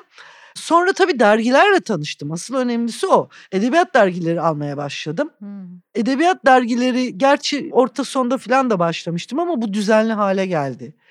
Edebiyat dergisi okumak. Bir şey hatırlıyorum ben ortaokuldayken Milliyet Sanat'la bilim teknik alırdım. Liseye geldiğimde bilim tekniği bıraktım. Ee, sanat olayı eklendi, işte gösteri eklendi vesaire. Hani böyle bir süreç izledim. Bu tabii dediğim gibi yani bu bir yol. Bu yoldan sapmamak önemli. Bu yola ilerleyeceğim dediğinizde o yol hep size yeni şeyler gösteriyor ve o yeni manzaralar, yeni gösteriler ilginizi çekiyor, sizi heyecanlandırıyorsa devam ediyorsunuz. Babanız da öğretmen aslında Evet, değil mi? Ama evet, siz evet. çok kısa bir Evet, arada olabildiniz. Babam köy enstitüleri kapandıktan sonra yani köy enstitüsü sıfatı olmayan Arifiye İlk Öğretmen Okulu mezunu fakat tam anlamıyla eğitimci. Babam Mardin Yatılı Bölge Okulu müdürüydü hayatını kaybettiğinde bir trafik kazasında uzun süre ilk öğretim müfettişliği yapmış. Ama evet eğitimciydi ve müthiş bir kitaplığı vardı tabii bir yandan da. Annem de tabii onun o eğitimci olmasının getirdiği bir şeyle okumaya çok açıktı. Zaten bizim ailede okuma hani herhangi bir yasaklama ya da küçümseme söz konusu bile değildi. Üniversite siz e, siyasal bilgilerde okumanızdan çok memnunsunuz değil mi? Herhangi bir alan dışında Evet, belki evet, psikoloji kesinlikle. okurdunuz okusanız Evet. ama yine de size kattıkları manasında. Evet. Şimdi ben e, siyasal bilgileri seçtiğimde nasıl seçtiğimi de bilmiyorum aslında. Çok garip bir şey. Yani sosyal bilimler okumak istiyorum. Onu anladım ama tabii ki her zaman şeydir ya bir mesleğe yöneltecek bir şey okumanızı isterler. Bir meslek sahibi olmanızı isterler. Ben siyasal bilgileri kazandım ve başladım ve bir anda şeyi fark ettim. İşte buymuş. Çünkü benim bir entelektüel olarak öğrenmem gereken her şeyi okul bana zorla öğretti zaten. Yani ben dünya tarihi okumam lazım. Dünya hakkında fikir yürüteceksen bir yazar olarak dersi var. Türkiye'yi tanımam lazım. Sosyoloji bilmem lazım dersi var. Türk siyasal tarihini bilmem lazım dersi var. Bütün bunların bir kompakt halde verildiği bir eğitimde o nedenle ben çok memnun kaldım siyasal bilgiler okumaktan. Sanıyorum benim gibi pek çok arkadaşım da var bu anlamda yani yazan çizen. Çünkü genellikle siyasal bilgilerden mezun olanlar şöyle bir şey yapar ya devlete girer ya bankacı olur ya da entelektüel işlerde çalışırlar. Gazeteci olurlar işte danışman olurlar vesaire o anlamda doğru bir e, eğitim aldım. Sizin şimdi hayatınıza baktığımda Handan İnci'nin sizinle yaptığı söyleşi kitabında da gördüm. Yani hiç de şanssız sayılmam diyorsunuz aslında hayat evet, anlamında. Evet, evet. Ondan sonraki işleriniz de Sokak gibi çok güzel ve değişik bir dergi. Zamanından önce bir dergi. Tuğruler hı, Yılmaz'la hı hı, çalışmanız mesela. hı. Onun da bir nevi öğrencisi olmanız Tabii. gibi gibi durumlar var. Sonra Güneş var. Çalıştığınız güzel ekipler. Biraz o gazete ortamlarının size öğrettiklerinden okuldan sonra bahsedebilir O miyiz? kadar çok şey öğretti ki. Hı. Yani gazetecilik bugün o günlere geri dönmeyi çok isterim. Şöyle bir şey, üniversiteyi bitirdim ve çalışmam gerekiyor, hayatımı kazanmam gerekiyor. Bir şirketin halkla ilişkilerinde çalışıyorum. Güzel de para kazanıyorum ama son derece mutsuzum pek çok beyaz yakalı gibi. Ve ben e, o tarihte aldığım maaşın altıda birine Sokak Dergisi'ne girdim. Sokak Dergisi stajyer arıyordu. Aldığım para sadece yol ve öğle yemeğimi karşılıyordu. O derece düşük. Çünkü Sokak Dergisi zaten böyle bir hayır oluşumu gibi bir şeydi yani. yani Türkiye'ye bir şey yapalım gibiydi ve işte bütün bu tür oluşumlar da çok güzel iz bırakıyor ama. Tabii. Bunlar çok çok değerli şeyler. Sokak dergisine başladım. Çok kısa sürede de oranın bir stajyer olmaktan çıkıp çalışan haline geldim. İşte maaşım birazcık daha düzeldi falan Ama onu filan. da atlamayın. Çok güzel. Siz giriyorsunuz stajyer olarak Hı hı. ama ilk öykünüz hemen ödül alıyor. Tabii tabii. Değil mi? tabii, Ondan sonra evet. da sizi evet. orada görüyorlar yani redaktör olmanız Yo öyle bir benim şey. yazdıklarımla zaten gördü Tuğrul. Onu hakkını yemem.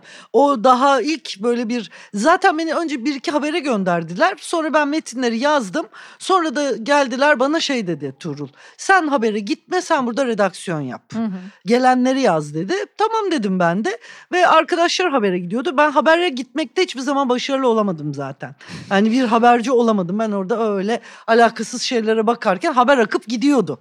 Dolayısıyla ben bana gelen metinleri haber haline getirme, redaksiyon yapma, onları yeniden yazma gibi bir işe başlamıştım. Çok da güzel gidiyordu, çok da ilgi çekiyordu. O arada Yunus Nadi ödülüne katıldım. Orada ödülü aldım. Ödül alınca tabii bir şey de oldu hani daha büyük ilgi oldu demeyeyim de bir değer değer artışı oldu tabii Kaç doğal yaşındasınız o olarak. zaman? 26 yaşındaydım. Hı. aslında o kadar da yani şimdiki gençlere baktığım zaman çok genç değilim.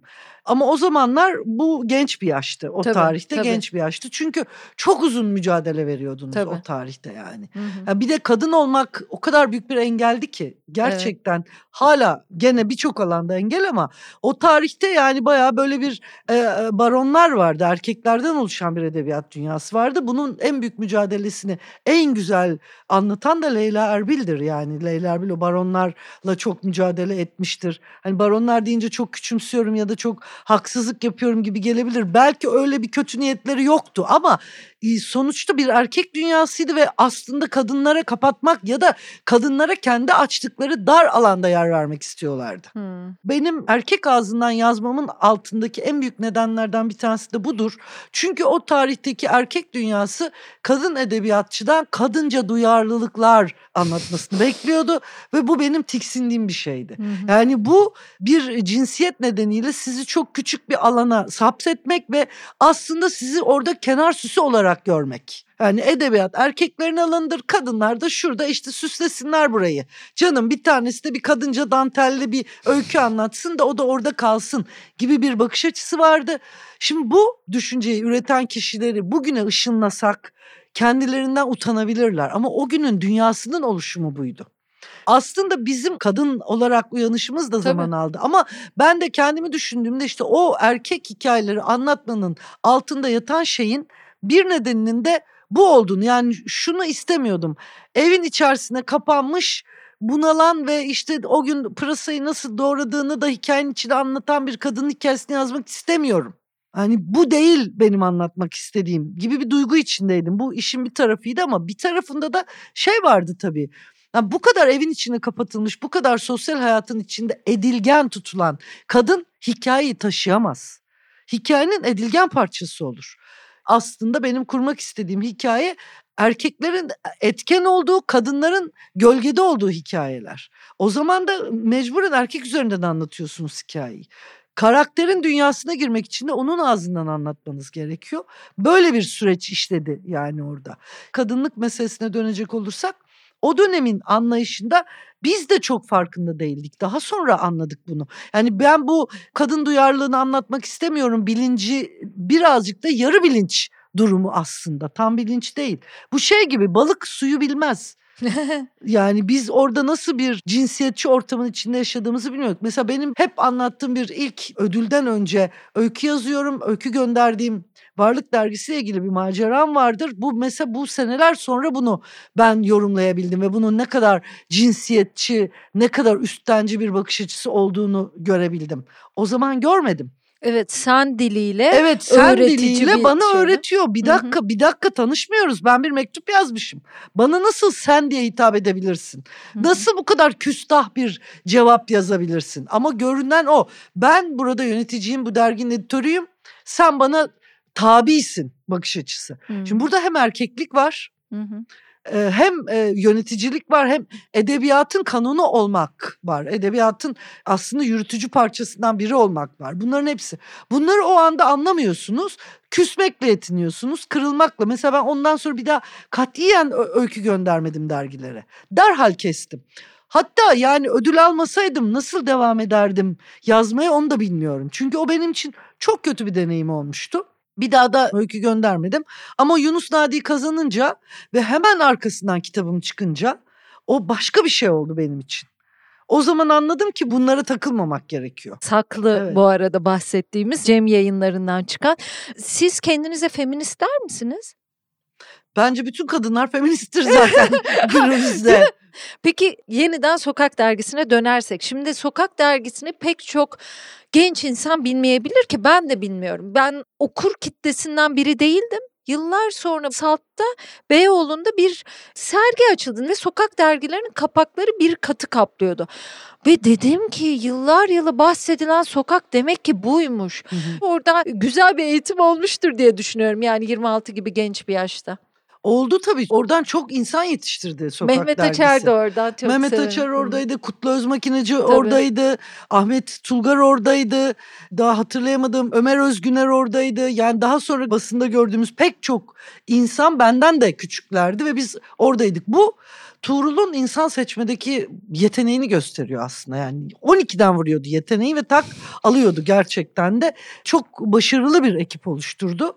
Hakikaten de büyük bir kısmı kendi alanında son derece başarılı işler yaptı. Son derece özgürlükçü ciddi direngen bir dergiydi. Ama tabii ki ekonomik olarak yürümesi çok zor bir işti. Çok onur duydum, gurur duydum, parçası olduğum için mutluluk duydum bir işti ve beni çok eğitti. Hı hı. Haberlere gittiğimde gördüklerimi hala zihnimde saklıyorum. O kadar çok şey yaşadım, o kadar çok şey gördüm, öğrendim anlatma becerisi kazandırdı bana.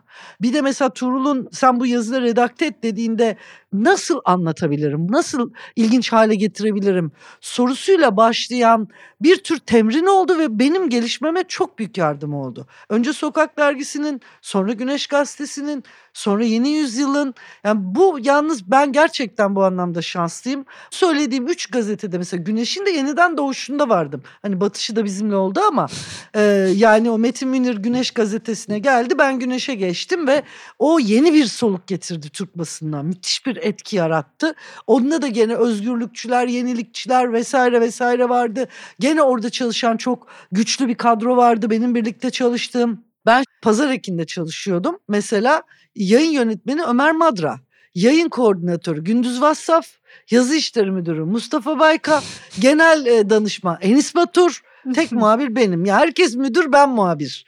Şimdi böyle bir kadroyla çalışıyorsunuz düşünsenize. İşte Turan Ilgaz'ı var, Gökhan Akçurası var. Yani o isimlerin hepsi bir araya gelmiş. Turhan Bey'i de o kadar severim ya, ki. Allah ya. rahmet eylesin. Evet, yani evet. E, Sevin Okyaylı yayında da andık. O kadar severdim. Bir de o dönemi çok komik anlatıyordunuz. Normalde pazar ekleri tıraş getirmeyiz götürdük diye ya. Çok evet. bayıldım ya. evet. Ağır kitle yani. Çok ağır kitleydi. Yani bu bu grubun çıkaracağı der dergi aman aman güneş peki alma alma pazar pazar sakın. Çünkü normalde pazar günleri tirajı düşüyordu derginin. Ee, evet öyle ama mesela orada başka e, bu biz sadece Peki'den bahsediyorum Tabii. yani. Pazar ekinden pazar yani Sevin Okya'yı, Kürşat Başarı yani büyük bir kadro vardı alt tarafta da.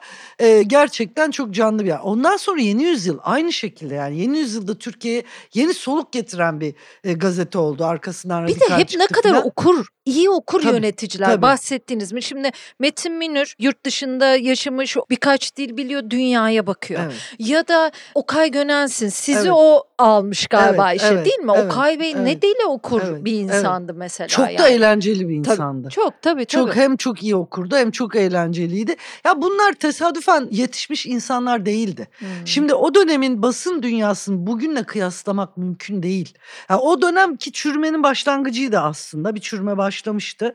Ama basında çalışan ve orada o oluşumun içinde bulunan insanlara baktığınızda bugün onların her biri ayrı bir değer olarak kendi dünyalarındalar. Yani sanki böyle medyaya bir ne bileyim normal bir bomba da değil yani nükleer bir bomba atılmış ve herkes paramparça edilmiş. Herkes dağıtılmış gibi bir nokta var. Yani bugün Türkiye'nin kültürel çürümüşlüğünde, düşünce dünyasındaki zayıflığında hepsinde bunların izi var. O dönemki insan birikimi bugün yok. O evet. insanlar darmadağın oldu. Bir kısmı zaten rahmetli oldu ama gittiler yani artık öyle bir ortamda değiller. Fakat şöyle bir şey var bunu avuntu olarak söylemiyorum bir gerçeklik olarak söylüyorum. Artık öyle bir ortam dünyanın hiçbir yerinde olmayacak. Çünkü hani dedim ya dijital devrim ne demek olduğunu daha sonra daha da iyi anlayacağız. Artık eski rüyalarla ilerleyemeyiz. O eski rüyaydı bitti. Onun devri kapandı. Şimdi yeni dünya yeni kodlarla nasıl insanlığın yararına inşa edebiliriz diye düşünmek gerekiyor. Hmm. Yani bugün bir araya gelelim de Güneş gibi Yeni Yüzyıl gibi bir gazete çıkaralım. Olmaz. Boşuna çaba. Yani suyu tersine akıtamazsınız. Akıntının tersine kürek çekemezsiniz. Hmm. Bugün başka bir dünya var. Bugün bakıyorum işte 19 yaşında yeğenim tam bir dijital kuşak çocuğu. 2002 doğumlu ve elinde tablet onun mütemmim cüzü, vücudunun parçası. Onun başka bir dünyası var, başka bir algılama biçimi var. Bu okuyan edebiyata meraklı çocuklar için de böyle olmayan için de böyle. Dolayısıyla kuracağımız yeni dünyanın kodlarını eskiden devşirmememiz lazım. Şahane, şahane. Evet. Yeni yeni düşünce tarzları. Onun için ben mesela sosyal medya etkin kullanmıyorum ama çok etkin takip ediyorum. Dikkatle izliyorum. Ben etkin kullanmıyorum. Etkin kullananlara bakıyorum. Aklım duruyor bazen e, kullanma yöntemleri karşısında. Yani ne kadar verimli olduğunu da görebiliyorum kimi zaman. Dolayısıyla yani bir araya gelelim de bir yeni yüzyıl çıkaralım hayalini kapatalım. Lütfen artık yeni dünyanın yeni biçimini nasıl bulabiliriz? Bu edebiyat için de geçerli. Bu televizyon sinema için de geçerli. Yani hikaye anlatmanın yeni yollarını bulmamız lazım. Hı hı. Ha ben kendi edebiyatımın da artık yeni bir yola gitmesi gerektiğini, başka bir anlatı tarzı bulmam gerektiğini düşünüyorum. Hmm. Bu sadece şeyden değil. Artık aynı şeyi yazmaktan sıkıldım diye değil. Ben zaten hiçbir zaman hep aynı şekilde yazmıyorum. Tabii canım bayağı evet ayrı yazarlar yazmış evet, gibi gelebilir evet. bazen. Her yani anlatıda farklı tabii, bir şey tabii. aramaya çalışıyorum. Farklı bir şey bulmaya çalışıyorum ama yani tabii aslında çok dikkatli bir gözü dibindeki o ortaklığı görür ama bu yeni anlatı tarzı, yeni insan beni çok cezbediyor. Ben yaşlanmaktan çok korkuyorum. Hı-hı. Zihinsel yaşlanmaktan. Hı-hı. Çünkü yaşlanmanın ölçüsü muhafazakarlıktır. Yani sahip olduğunu değiştirmeme arzusudur. Yeniye bakmamaktır. Hı hı. Sürekli elindekine bakmaktır. Bu beni çok korkutan bir şey. Onun için sürekli böyle geleceğe nasıl bakarız? Yeni insanlarla nasıl iletişim kurarız? Benim yazmak atölyesini kurmamın altında yatan nedenlerden biri de bu. Farklı yaş gruplarından farklı insanları hayatıma almanın en meşru, en nitelikli yolu. Ve onlar da istiyorlar bunu. Evet. istekle geliyorlar. Evet. Sizin dediğiniz şey de korkaklık ve ikiyüzlülük de görüyorum ben. İşte yeniden bir yeni yüzyıl çıkartalım. Basılı bir dünyaya geri dönelim de. Ya evet güzel bir nostalji var. Alan onu alsın tabii ki ama ben bunu yapıyoruz diyenlerde şöyle bir şey de görüyorum. Yöneticilik özlüyorlar. O dönemlerini ve o iktidarlarını özlüyorlar. Gördüğüm için de onu samimi de bulamıyorum. Yoksa bugün eğer ki okuyucuyla kaliteli buluşmak istiyorsan gerçekten yeni yöntemleri var ve kendini biraz eğmek bükmek zorunda kaldığın ama kendini de geliştirip gençleştirdiğin de yöntemler var. Diğeri bana okuyuculara bunu yapıyoruz. Kendim için bir şey yapmıyorum. Sizin için yapıyorum şeyi biraz iki yüzlü geliyor bana. O muhafazakarlığı da görüyorum ben. O muhafazakarlığın içindeki yeniye adım atmaktaki korkaklığı da görüyorum diye kendi de doğru doğru doğru söylüyorsunuz. Orada başka bir şey de var. Madem öyle bir arzu içerisindesiniz o kodları doğru okuyor musunuz acaba? Evet. Tabii yöneticilik arzusu ol bilmiyorum. Yeni oluşumlar hakkında bir fikrim yok gazeteler hakkında. Ayrıca bugün çalışmam da öyle bir imkan olsa mesela bir gazetede çalışmak bana çok ilkel geliyor. Çünkü şu anda dünya artık başka şekilde dönüyor. Evet, yani evet. bir kere temelde haber alma kaynakları insanların haberle kurduğu ilişki de değişti. Eskisi gibi değil. Dolayısıyla çok çok özel durumlarda ancak biz aslında günü gününe dakikası dakikasına habere ihtiyaç duyuyoruz. Onun dışında her insan kendi başına bir ada haline geldi ve her insanın tercih ettiği haber bile farklı. Aslında bu toplumsal ortaklaşmayı da ortadan kaldırdı bu yeni dijital dünya. Şöyle bir şey var. Eminim bu internet evreninde benim ilgimi çekecek milyonlarca şey var ama nasıl ulaşacağım bilmiyorum. Şimdi bence temel mesele bu. Temel mesele nasıl ulaşacağımızı aramak. Sürekli arıyorum. Onu dinliyorum yok bu değil. Bunu dinliyorum yok bu değil. Biraz buna bakıyorum yok bu değil. Çok büyük bir mecra var orada. Dev bir mecra var. Bu büyük bir parçalanmışlık getiriyor. Aslında şu anda dijital dünyanın en büyük problemi de bu parçalanmışlık. Bu tıpkı şeye benziyor. Çağın kendisinin piksellerden oluşması gibi. Hayat da piksellerden oluşuyor. Yani iki insan yan yana gelip de ortak hmm. konuştuğu şeyler ancak popüler kültürün herkesin kafasına soktuğu şeyler oluyor. Tabii. Ve bir şey bulduysak, bir şey yakaladıysak onu birbirimize göndermeye çalışıyoruz. Bak şöyle bir şey var. Kılavuzumuz yok bu büyük denizde. Ve şimdi böyle büyük bir evrende ben işte yeni yüzyıl gibi, ben radikal gibi, ben bilmem ne gibi gazete çıkarıyorum demek bir miktar iki yüzlülük bir miktar da saflık. Ben içinden gelmiş bir insan olarak artık bütün bunları yıkmamız ve değiştirmemiz gerektiğini düşünüyorum. Ancak o zaman birilerine gerçekten ulaşabileceğimizi düşünüyorum da ondan. Bir şey daha var. Şimdi yöneticilik dediniz ya bu çok önemli bir şey. Bu yeni çağ bu eski yönetici anlayışını da kabul etmeyen Tabii bir çağ. iktidarları değiştiriyor. Tabii. Yani şimdi iktidarların işleme mantığı farklı, dünyanın akışı farklı, dünyanın iktidarların hileleri başka. O kadar farklı ve yeni bugüne kadar tecrübe etmediğimiz hilelerle yürüyen bir sistem var. Dolayısıyla eski tip yönetici ile bu dünya dönmez. Hele yeni kuşakları da bunlarla ikna edemezsiniz. Yani yeni kuşakların ilgi alanları, onların çalışma biçimleri, bir araya gelme biçimleri bizim anlayışımızdan çok farklı. Dolayısıyla ikiyüzlülüğü ayrı bir başlık olarak tutmak istiyorum ama e, bu korkaklık dediğiniz şey hani bu dünyayı döndüren şeylerden bir korkunun bile niteliği değişti. Ha, Artık tabii. başka türlü bir korkunun içerisindeyiz. Yani ve asıl e, en kötüsü de dünyayı döndüren şeyin korkular olması. Yani sistemin her türlü korkuyu körükleyecek şekilde kurulmuş olması. Yani sürekli bize korku pompalayan bir dünyada yaşıyoruz. Pandeminin ilk zamanlarını hatırlayın. Yani o naylon poşetlerini bile deterjanlarla yıkayan, 4 saat dışarıda tutan, içeri alan insanlar. İnsanları buna yapmaya iten şey korkuydu. Yani korku aslında hayatımızı belirleyen, çağımızı belirleyen çok temel unsurlardan biri ve ilginç olan şu sosyal ilişkilerimizi de etkileyen bir şey. Dün bir haber okudum internette tabii ki artık gazete alıp okumadığım için çok hüzün verici bir hikayeydi.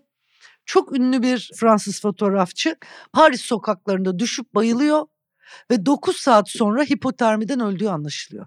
Kimse kaldırmıyor adamı yerden. Oo, çok acayipmiş ya. Çok acayip. Tanınan biri. Fransızların tanıdığı ünlü biri. Yaşlı. Herhalde 80 küsur yaşındaymış. Sokakta yürürken düşüyor. Düştüğü yerden kimse kaldırmadığı için hipotermiden ölüyor. Bu haberi yazan da şunu söylüyor. Eğer ben tanık olsaydım muhtemelen ben de çekinirdim. Korku günlük hayatımızı yöneten bir şey haline geldi. Bence yeni kuşaklar bizden çok sonra gelecek olan kuşaklar aslında bu korku imparatorluğuna savaş açmak durumunda kalacaklar. Hmm, çok güzel. Her anlamda. Evet. Bu korkunç bir yalnızlaşma. Buna bir örnek daha vereyim. Fransızlar bunu epey tartıştı ama bir sonuca varmadı. İnsanlık yalnızlaşmaya doğru gittiği için 1999 ya da 2000 yılında Fransa'da çok büyük bir kurak yaz geçmişti. 6 bin falan yalnız kişi ölmüştü Fransa'da. Gene aynı durum yaşandı. Yani yalnızlaşan bir dünya ve bu korkularla tetiklenen bir dünya. Yardım ederken düşünüyoruz birilerine. Tabii. Sizin yapı krediye geçişiniz. Hı hı. Orada yayın yönetmeniydiniz. Hı hı. Biraz yayıncılıktan konuşmak istiyorum. Size okuyucunun çok etkilememesi bana enteresan geliyor. Pek çok söyleşinizde ben okuyucu için yazmıyorum diyorsunuz hı hı. ama e, öyle bir dünyaları da gördünüz. Nasıl olabiliyor? Görmedim aslında. Okuyucuyla bir iletişimim yoktu ki. Ama sayısal iletişim mesela şu kadar sattı, bu kadar baskı onlar etkilemez mi size? Ya şimdi Yapı Kredi çok özel bir yayın eviydi bizim çalıştığımız dönemde. Yani işte Enis Batur'la birlikte çalışıyorduk. Enis Batur Murah Saza'ydı. Ben oraya editör olarak girdim. Hatta şöyle bir şeydi yani basında iş bulamadım ve Enis Bey beni zaten daha önce çağırmıştı hani gel diye. Ben o sırada Yeni Yüzyıl'ın aşkı içerisindeydim. Yani çok heyecanlı bir şekilde çalışıyordum çalışıyorduk falan. Sonra editör olarak başladım ve hiç bilmediğim bir dünyaya başladım. En ufak bir fikrim yok. Yani bir yazarım evet ama kitap nasıl yapılır bilmiyorum ki. Hmm. Ve ben orada editör olarak tabii çok kısa sürede kitap yazılan değil çatılan bir şey, kurulan bir şey, evet. yapılan bir şey. Hmm. Onu anladım. Hmm. Orada mesele okurun nasıl tepki göstereceği ya da okurun ne cevap vereceği değil, okura ne sunacağımızdı. Yani biz bir şey sunuyorduk. Karşı tarafın ne diyeceği çok önemli değildi. Çünkü zaten çok nitelikli şeyler sunduğumuz için onun alıcısının dar olduğunu bilerek yapıyorduk bu işi. Dolayısıyla da yani işte bir sergi yapıyorsunuz. Kültür sanat kısmı yapıyordu sergi ama biz de onun kitabını hazırlıyorduk. içeriğine vakıf oluyorduk. Toplantılarını beraber yapıyorduk vesaire. O sergiyi gezenlerin düşüncesinden çok bizim o sergiye ne katabileceğimiz, onu nasıl yeni ve ilgi çekici bir şekilde sunabileceğimiz sorusu oluyordu. Ya da kitap düşünürken aynı şekilde. Yani kitap düşünme ne demek? Dizi kitap dizisi düşünmek ne demek? Yayıncılık ne demek? Ben onu orada öğrendim ama çok eksik bir şey öğrendim. Çünkü orası bir banka kuruluşu olduğu için ticari niteliği özellikle o zamanlar çok e, zayıf olduğu ve ticari niteliği tamamen bir takım idarecilere bırakılmış olduğu için kitap kaç sattı, kime sattı, ne kadar sattı ben bunlarla hiç ilgilenmiyordum. Yani ne kadar mutluluk bir Piyasasını için. da bilmiyordum, parasını da bilmiyordum. İlgilenmiyordum da zaten orada öyle bir iş bölümü de vardı. Yani benim işim sadece yayın programının doğru ve nitelikli bir şekilde uygulanmasını sağlamak ve yeni öneriler başkalarından da gelmesini sağlamaktı. İşte dergilerin doğru zamanda düzgün, ilgi çekici ve yenilikçi bir şekilde çıkması. Ama ben Yapı Kredi'de geçen yıllarımı ikinci bir üniversite olarak kabul ediyorum. Evet. Yani ben bir siyasal bilgileri bitirdim bir de Yapı Kredi Kültür Sanat Yayıncılığı bitirdim. Şu toplantılardan bahsetsenize benim çok hoşuma gitti. Tematik dergiler ve o temalara uygun toplantılar yapıyorsunuz ve tabii. işte üniversite dediğiniz biraz da o herhalde değil mi? Tabii tabii. Ya şimdi biz e, o tarihte üç dergi, üç buçuk diyelim e, Kogito'yu çıkarıyorduk. Kitaplık, sanat Hı. dünyamız bir de dördüncü kat diye kütüphane dergisi çıkarıyorduk. Ha, doğru. O fazla uzun ömürlü olmadı. Bir de kütüphanesi vardı Hı Yapı Kredi yayınlarının. Nadir eserler koleksiyonu vardı. El yazması koleksiyonu vardı. Gerçekten bir kültür kurumuydu. Bu oluşumların dağılmış olması, bu oluşumların ticari dünyaya ya da işte kar maksimizasyonu anlayışına kurban olması gerçekten benim içimi çok acıtıyor. Çünkü böyle oluşumları artık başka türlü kurmamız gerekecek. Orada diyelim ki Kogito'nun toplantısı sürekli bir yayın kurulu olurdu. O yayın kuruluna bazen dışarıdan davet ettiğimiz o sayının konusuna göre davet ettiğimiz yayın kurulu üyeleri olurdu. Gelinir işte bir kere çok eğlenceli geçerdi her şeyden önce. Çok eğlenirdik. Ben çok zevk alırdım o toplantılardan. Çünkü eğer öğrenmeyi seviyorsanız, bir şeye karşı açlığınız varsa, işte dünyaya karşı algılarınız açıksa eğlenmemeniz mümkün değil. Hani eğlenerek öğrenmenin harika bir yolu. Oraya şey gelir ne bileyim yemekse konu ilgili kişi davet edilir. Ee, onun da bilgisinden yararlanılır ve orada herkesin farklı ilgi alanları vardır ayrıca. O farklı ilgi alanlarından isimler konuşulur vesaire. Tabii bir de akşamüstü simit peynir turları olurdu. Bir de şimdi çok büyük bir zincire dönüşmüş. O zamanlar küçücük bir restoran olan Fıccın vardı. Aa, evet. Çerkez mutfağı yapan Fıccı'nın dereotlu ve portakallı kurabiyeleri vardı. O toplantılara mutlaka dereotlu portakallı kurabiye gelir veya simit kaşar alınırdı. Gerçekten son derece insanın zihinsel olarak doygunlukla çıktığı toplantılardı. Bunlar da esere yansıyordu. Tabii. Yani dergiye de yansıyordu. Bizim çalışma ortamımıza da yansıyordu. Ama tabii şey insan dediğimiz şey bundan memnun olan vardı, olmayan vardı. Ben hep şunu kendim öyle olduğum için insanlarda o özelliği ararım. Almak mı istiyorsunuz, şikayet etmek mi? Ha şahane evet. Yani siz o ortamdan bir şey kazanmak istiyorsanız şikayetlerinizle gelmeyeceksiniz. Şikayetlerinizi arkada bırakın. Gerçekten de en hoşlanmadığım insan tipi sürekli her şeyden şikayet eden insan tipi. Değiştirmenin, yenilemenin, ilerlemenin yolu şikayet etmekten geçmiyor. Şikayet bir zemin zaten ilk basamak. Onun üstüne basacağız ve ondan sonrasını düşünmemiz lazım. Hani olmuşu geride bırakmak, ileriye bakmak önemli olan. Dolayısıyla orada evet şikayetçi olanlar da oluyordu ama ileriye bakanlarla biz çok güzel işler yaptık. Hakikaten çok nitelikli bir zamanda. Dolayısıyla ben şimdi kendi çalışma hayatıma bakıyorum. Çalıştığım yayın evlerine bakıyorum, gazete dergilere bakıyorum. Ben mesela kitap yayınlatmak için hiç zahmet çekmedim. Evet ya. Hiç. ha dergilerde dergi öykü bir kere gönderdim. Ağzımın payını aldım bıraktım.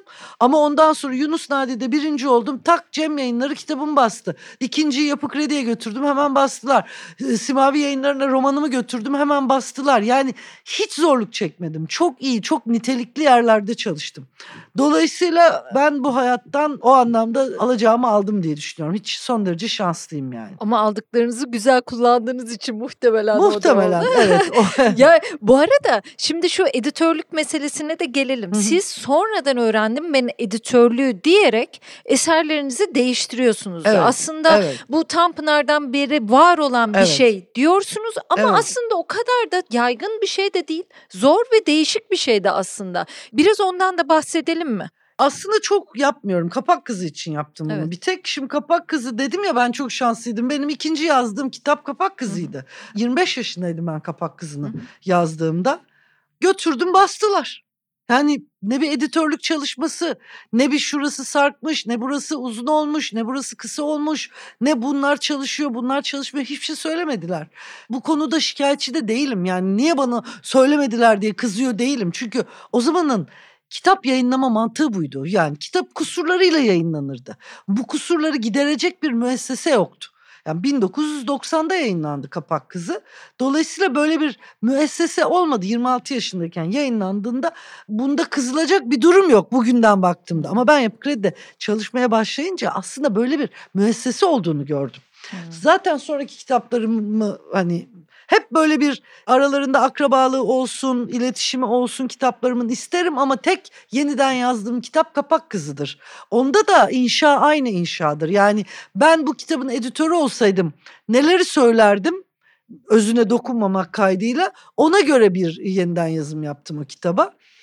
O da iyi bir çalışma oldu herhalde. Bugün işte o üçlü seriyle birlikte e, hakikaten çok basılan, çok okunan e, kitaplardan biri haline geldi ama hala benim en zayıf kitabımdır yani. Acemilik kitabımdır. Harika bir kitap demiyorum tabii ki onun için. Yani hiçbir için demiyorum da. E, evet fark ediyorum. Siz özellikle Bir Deliler Evi'nin yalan yanlış anlatılan kısa tarihini yazarken çok eğlendiğinizi evet, söylüyorsunuz evet, özellikle. Evet. Suzan Defter'de en sevdiğiniz belki de. Evet, evet. Diye düşündüm. Evet, Suzan Defter benim için çok anlamlı bir kitap. Çok Hı. severek yazdım. Çok ondaki fikir de benim hani gurur duyduğum bir fikir. Ama Deliler Evi hem gurur duyduğum bir fikir hem çok eğlendiğim bir fikir. Hı, değil mi? ya bir kurmacacılık oyunu oynuyormuşsunuz gibi bazen böyle hani bir orada kendinizi de ileriye götürmeye işte Suzan Defter'de mesela pek çok insanı şaşırtan o günlüğün farklı zamanlarda okunabilmesi, kitabın ayrı okunabilmesi, kitabın yanlış basıldığını düşünen insanlar oluyormuş vesaire evet. onu çok iyi anlıyorum ama bunlar herhalde bir mücadele alanında siz kendinize koyuyormuşsunuz ve aşıyormuşsunuz gibi de hissettiren dışarıdan şeyler benim açımdan. Evet şimdi ben kitap kitaplarla ya edebi anlatılarda böyle yenilikçi bakış açılarını birazcık işte Yapı Kredi'de çalışırken kavradım. Hmm. Aslında bu vardı bende çünkü işte Leyla Erbil'i seviyorsanız zaten öyle bir bakış açınız hmm. var demektir yani. Böyle bir klasik anlatının dışına çıkmanın yollarını arıyorsunuzdur zaten. Hmm. Ben klasik anlatının dışına çıkmanın yollarını arıyorum sürekli. Her kitabımda da bunu aşağı yukarı yapmaya çalışıyorum. Onun için Kapak Kızı en klasik anlatı yani roman e, formatına en uygun kitaptır. Onun için hmm benim açımdan biraz diğerlerine göre daha az sevdiğim bir kitap. Ama gerçekliğin algılanışıyla ilgili bir problemim vardı Suzan Defter'de. Yani eş zamanlılık gerçeklik. Şu anda sizin kafanızda başka bir şey var. Benim kafamda başka bir şey var. Halbuki aynı anı aynı mekanda paylaşıyoruz. Yani bunu ortaya koymanın bir yolunu aramaktı benim için. Ama bu anlatının yenilikçiliğini mesele etmek ve bununla ilgili bir arayışa girmek tabii ki o karşılaştığım zengin örneklerle artmış bir şey. Evet. Yani bu önemli bir kazanım benim için. Ama Deliler Evi anlatıcılık, hikayecilik skalasında ne kadar ileri gidebileceğim duygusu. Bit, bitmeyebilir de o kitap. Evet. O sonsuza kadar yazılabilecek bir kitap. Yani bir yer geldi artık bitirmem gerekiyor diye düşündüm. Koca bir Türkiye gibi bir anlamda da o kitap ya böyle evet. değil mi karakterleriyle. Evet. Sizin yine de günlük olarak nitelendirmeseniz de not defterleriniz var herhalde değil mi? Var ama öyle ben çok not tutan, çok notlar alan bir değilim. Yok çok yani. Çok enteresan geliyor bana. Yani bu kadar karmaşık ve çoklu yazım yapan Haş, bir insanda. Ama mesela şeyde Deliler Evi'nde çok defterim oldu. Ha. Şimdi orada bir evet. orada bir harita kuruyorsunuz. Tabii. O haritada yollar çiziyorsunuz hmm. ve bu bir zaman haritası aslında. Hem yer hem zaman haritası. Dolayısıyla onda çok defterim oldu. Herkes şey diyor. Büyük böyle tahtalarım yazdı. Hayır, çok defterlere yazdım. Bütün tarihleri döktüm. Yani işte 1800'lerden başlayıp 2014'e kadar yıl yıl döküm çıkardım. Hangi karakter hangi tarihte o tarihte ne olmuş ben o karakterin hayatının hangi dönemini alıyorum o hangi yılı tekabül ediyor o tarihte diğer karakterlerimle nerede kesişiyor ne olabilir? Bu çok eğlenceliydi bir yanıyla bir yanıyla da zordu tabii. Orada çok defter tuttum. Ama onun dışında benim Şöyle bir şeyim var. Ben bir, bir kitaba başlayacağım zaman bir defter açıyorum. Hmm. Oraya notlar alıyorum. Hmm. O karakterler için aldığım küçük notlar oluyor. Temel meseleler oluyor. Kitabın özünü oluşturacak yapıyla ilgili notlardan oluşuyor.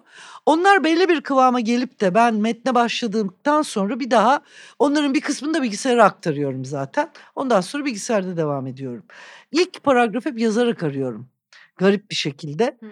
Ya bunun giderek süresi kısaldı ama giderek Hı. hani ilk paragrafı daha çok kağıtta yazıyordum. Şimdi daha çok bilgisayarda yazarak arıyorum. Kağıtla ilişkim o şekilde defterle e, ilişkim. Ama çok bayılıyorum yani öyle çok defter tutanlara, deftere yazanlara ama benim öyle bir şeyim yok. Sonra ne yapıyorsunuz o defterleri? Duruyor bir kısmı. Ha, iyi duruyor çünkü Evet sizin evet. bir hani atma temizleme huyunuz Evet, varmış evet. gibi geliyor evet, yani evet, bakınca. evet. Ve şöyle niye böyle böyle diyorum ya o kadar çok Ayfer Tunç okuması yaptım ki bi- biraz sizle donuyorum. hani böyle yani gece yazıyorsunuz bir Evet, kere değil evet. mi? Saat Gece 10'da gibi başlayıp yani, evet. 12'ye doğru daha böyle kıvamını Evet. buluyor. Şiirle başlıyorsunuz. Evet, Yani şiir okuyarak. Şiir okurum evet. Edebiyat için bu. Evet. Katiyen müzik dinlemem. Çok ilginçtir. Benim annem e, müziğe çok çok severdi ve herkesin bir müzik aleti çalması gerektiğine inanırdı. Cumhuriyet kuşağının saplantılarından biridir ya bu. Doğruymuş ama beyin gelişimi sağlıyor. E, ben, bende hiçbir gelişme olmadı yani acı çekiyordum. Bence bende bir müzikal körlük var. Dinlediğim müziklerin çoğu ilgimi çeken, sevdiğim müziklerin çoğu film müziği. Hmm. Bu da şunu gösteriyor bana bir hikaye için bestelenmiş şeyleri seviyorum. Mesela Preissner dinlemekten hoşlanıyorum. Çok hoşuma gidiyor. Eğer roman yazmıyorsam başka bir şey yazıyorsam Preissner açıyorum. Ya da Eleni Karaindriou dinlemeyi çok seviyorum ama Hmm. bunlar hepsi O da film. hikayeler Tabii. için yapılmış tabii. müzikler. O zaman da bu bana şunu düşündürüyor. Hikayesi olan şey mi acaba beni? Hani be- benim bilinçaltımda ya da gen- genimde bir hikaye mi yatıyor? Mesela Türk sanat müziğini çok seviyorum Hmm, ama onun da ki daha- evet. sözleri harika çünkü. Tabii tabii. Yani orada da bir şiir var. Hmm. Dolayısıyla müzik sözsüz saf haliyle benim içine girmekte ve tadını çıkarmakta zorlandığım bir şey. Ama buna karşılık metin müziği, metnin müziği dediğin şeyde orada da çok duyarlıyım. Yani bir edebiyatçının metninde bir müzik varsa, dili eğer müzikliyse o hemen benim radarıma giriyor yani. Hemen hemen damarlarıma sızıyor. Aa, ne güzel. Mesela Vüsat Obener. Yani bir müziği var. Hmm. Oğuz Atay. Herkese uymayabilir ama bir müziği var. Yani aslında metnin müziği, metnin içerdiği müzik diyemeyeceğimiz ama müzikten de başka bir şey olmayan şey atmosferin kurucu parçası. Onun için önemli. İşte Leyla Erbil. Yani onun da tekrarlayan cümleleri vardır. Böyle müziği andıran bir yapısı vardır yazdıklarının. Hı hı. Edip Cansever'den bahsetmedik. Bu kadar seviyorsunuz değil mi? Evet, Leyla evet, Erbil dışında evet, onu çok evet. seviyorsunuz. Evet. Peki ben e, çok yazan insanlara şunu soruyorum. Hareket ne yapıyorsunuz? Nasıl ediyorsunuz? Herhalde Tanıl Bora'ya sormuşumdur. Spor yapıyor Hmm. musunuz diye. Yani İyi bu kadar yüzücüdür konu- tanım. Evet öyleymiş. ya iyi ki Boğaz'da sor- yüzmüş biridir yani. Orada iyi ki sormuşum. Yani birkaç kişi şey dedi. Kimseye sormadın sormadın. Niye Tanıl Bora'ya sordun dediler. Ya dedim ki bu kadar okuyan ve yazan bir insanın hareketini ben merak ediyorum. Yani benim sesli kitaba başlama nedenim hareket etme isteğim yani ama okumak da çok istiyorum. Nerede buluşacağız hani sesli kitaplar, podcastler öyledir. Mesela sizin de merak ediyorum. Siz de sesli kitap çok dinliyor tabii musunuz? tabii çok çok. Hmm. İşte o dediğim gibi o seslenen kitap zamanında parasını verip kitap indirip onları dinleyerek başladım. Şimdi bu hali de çok mutlu ediyor beni. Çünkü bir noktadan sonra ama ben bunları dinlemek istemiyorum ki kitap yok diyordum. Şimdi gayet memnunum. Şöyle bir şey ben öyle bir kuşağımdan mı kaynaklanıyor yapımdan mı kaynaklanıyor bilmiyorum ama bir şey yaparken bir şey daha yapmak isteyen bir insanım. Yani Ben de, tek bir evet, eylem bana yani. yetmiyor. Hmm. Yazmak dışında. Yazmak ayrı bir şey. Tabii. Ama yazmak da tek başına bir eylem değil zaten. Elleriniz çalışıyor, kafanız da çalışıyor. Hı. Mesela bir işi yaparken ellerim meşgul olmalı benim mutlaka. Onun için yürürken dinliyorum sesli kitabı ve podcastleri. Günde de iki saate yakın yürüyorum mutlaka. Hmm, Yürümedir sporunuz Evet benim mesela. sporum yürüme. Yani yazın adada böyle bizim şeyimiz var. Küçük arkadaş grubumuzla böyle sözde tenis oynuyoruz falan filan öyle bir şeylerimiz var ama o yazın olan bir şey sadece. Niye sözlediniz? E Çünkü adam bizim kortun sahibi olimpik olduğunu doğru olduğunu söylüyorum bence küçük. Yani aslında oraya sığdırmış yani. Gerçek değil orası. Çünkü sonra gittim Konrad'da bir oynadım. Uçsuz bucaksız. Burası değil böyle değildi bizimki diye.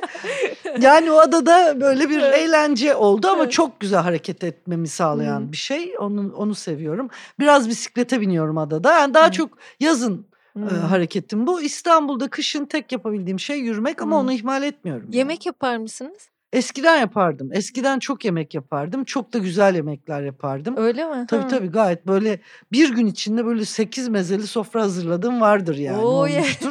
Güzel. Ama sıkıldım artık Evet. yapmıyorum. Bir de bir yardımcım var çok güzel yemek yapıyor. Evet, Benim yapmama yani. gerek kalmıyor. Ama yemeğe çok düşkünüm maalesef. Peki bugüne kadar biraz da tabii yazarlıktan geçinmemek için hani asıl iş yazarlık ama ondan para kazanma derdine düşmemek için Hı hı, hep ikincil işler yaptın. Hı hı, Siz çok işte yapmışsınız Evet. baktım. Evet. Yani neredeyse üniversite döneminden bu yana değişik Tabii, işlerde onlar da ayrı tecrübeler. Şimdi biraz daha rahat sadece yazıyla kazanabilir hale ya da öyle gelmek istiyor musunuz bilmiyorum. Yani işte senaryo yazımıydı, başka işler hep var herhalde değil mi hayatınızda? Şimdi senaryo yazımı mecburum yani. Çünkü Hı hı. edebiyatla geçinmek e, eğer nitelikli bir edebiyat yapıyorsanız onunla geçinmek mümkün değil. Hı hı. Yani Gerçi ge- artık o 35 senenin sonucunda ve oluşan okur kitlemle şu anda belki geçinebilecek duruma gelmişimdir. Çünkü mesela Osman çok ilgi gördü, çok satıyor vesaire ama ben edebiyatı, edebiyatçı olmayı bir meslek olarak görmüyorum. Bu konuda bazı yazar arkadaşlarımla fikir ayrılığı içindeyim. Onlar meslek olarak görüyorlar. Bence roman yazmak bir meslek değil benim için. Hı. Roman yazmak bir varoluş parçası, bir var olma biçimi. Eğer bundan para kazanıyorsam eyvallah ama amacım bu değil. Dolayısıyla ben hep edebiyatımı saf haliyle, kendi yapmak istediğim haliyle bırakmak için başka işler yapmak zorunda kaldım ve hayatta çok taviz vermem gerekti bu nedenle. Evet çok az uyumuşsunuz Evet, diye hep- düşünüyorum. Hep öyleydi Hep ge- yani. yani Evet. gündüz yapı kredi yayınlarında Evet. çalışıp geceleri yazı yazmışsınız Ya yani. o ben sabah uykusu o, o kadar hasret kaldığım bir şeydi ki her gün düzenli işe geç kalırdım ya her gün. her gün. Çünkü işte 2'de yatıyorum. Çok gaza gelmiş oluyorum. iki buçuk üçü buluyor. Üçte yat, 7'de kalk. Öyle günler oluyordu ki bir e, arkadaşımın sözü vardı. Uyku alacağını tahsil eder diye. Çok doğru bir söz bu Çok gerçekten. güzel. Geliyordum mesela bir akşam işte akşam yemeği yemişim ve orada uyumuşum. Bir uyanıyorum ki mesela o cuma akşamıysa cumartesi günü saat 2. Hani bütün o haftanın alacağını almış vücut gibi. Evet biraz ne yazık ki fedakarlık gerektiriyor. Ama bu benim böyle çok şikayetçi olduğum bir şey değil. Belki de bu sıkışmışlık bende bu enerjiyi de yaratıyor. Çünkü benim hayatta gevşek olduğum zamanlar da oldu. Rahat olduğum, çalışmam gerekmeyen hiçbir şey yazamadım o zamanlarda. Hı. Bomboş gitti zamanlar. Yani gözümün önünde harcandı o canım yıllar. Sizin bir yazma temponuz bir yayıncıyla sohbet ediyordunuz. Onu dinledim. Şöyle bir şey söylüyordu. Dört yıl geçti Ayfer Hanım'dan şimdi kitap gelir diye konuşuyorduk. Siz pandemide iki yıla düşürmüşsünüz bunu. Öyle bir şey söylüyordu. Çok Evet, güzel bir matematik ama şimdi sizin acayip bir kitleniz olduğunu görüyorum. Çünkü ben bu podcast'te başladığımdan beri bana ara ara mütemadiyen Ayfer Tunç nerede denilir? Instagram'dan bir kitabınızla ilgili bir şey yazdım mesela. Allah'ım Ayfer Tunç niye gelmiyor? Ama en son bombayı söyleyeceğim size.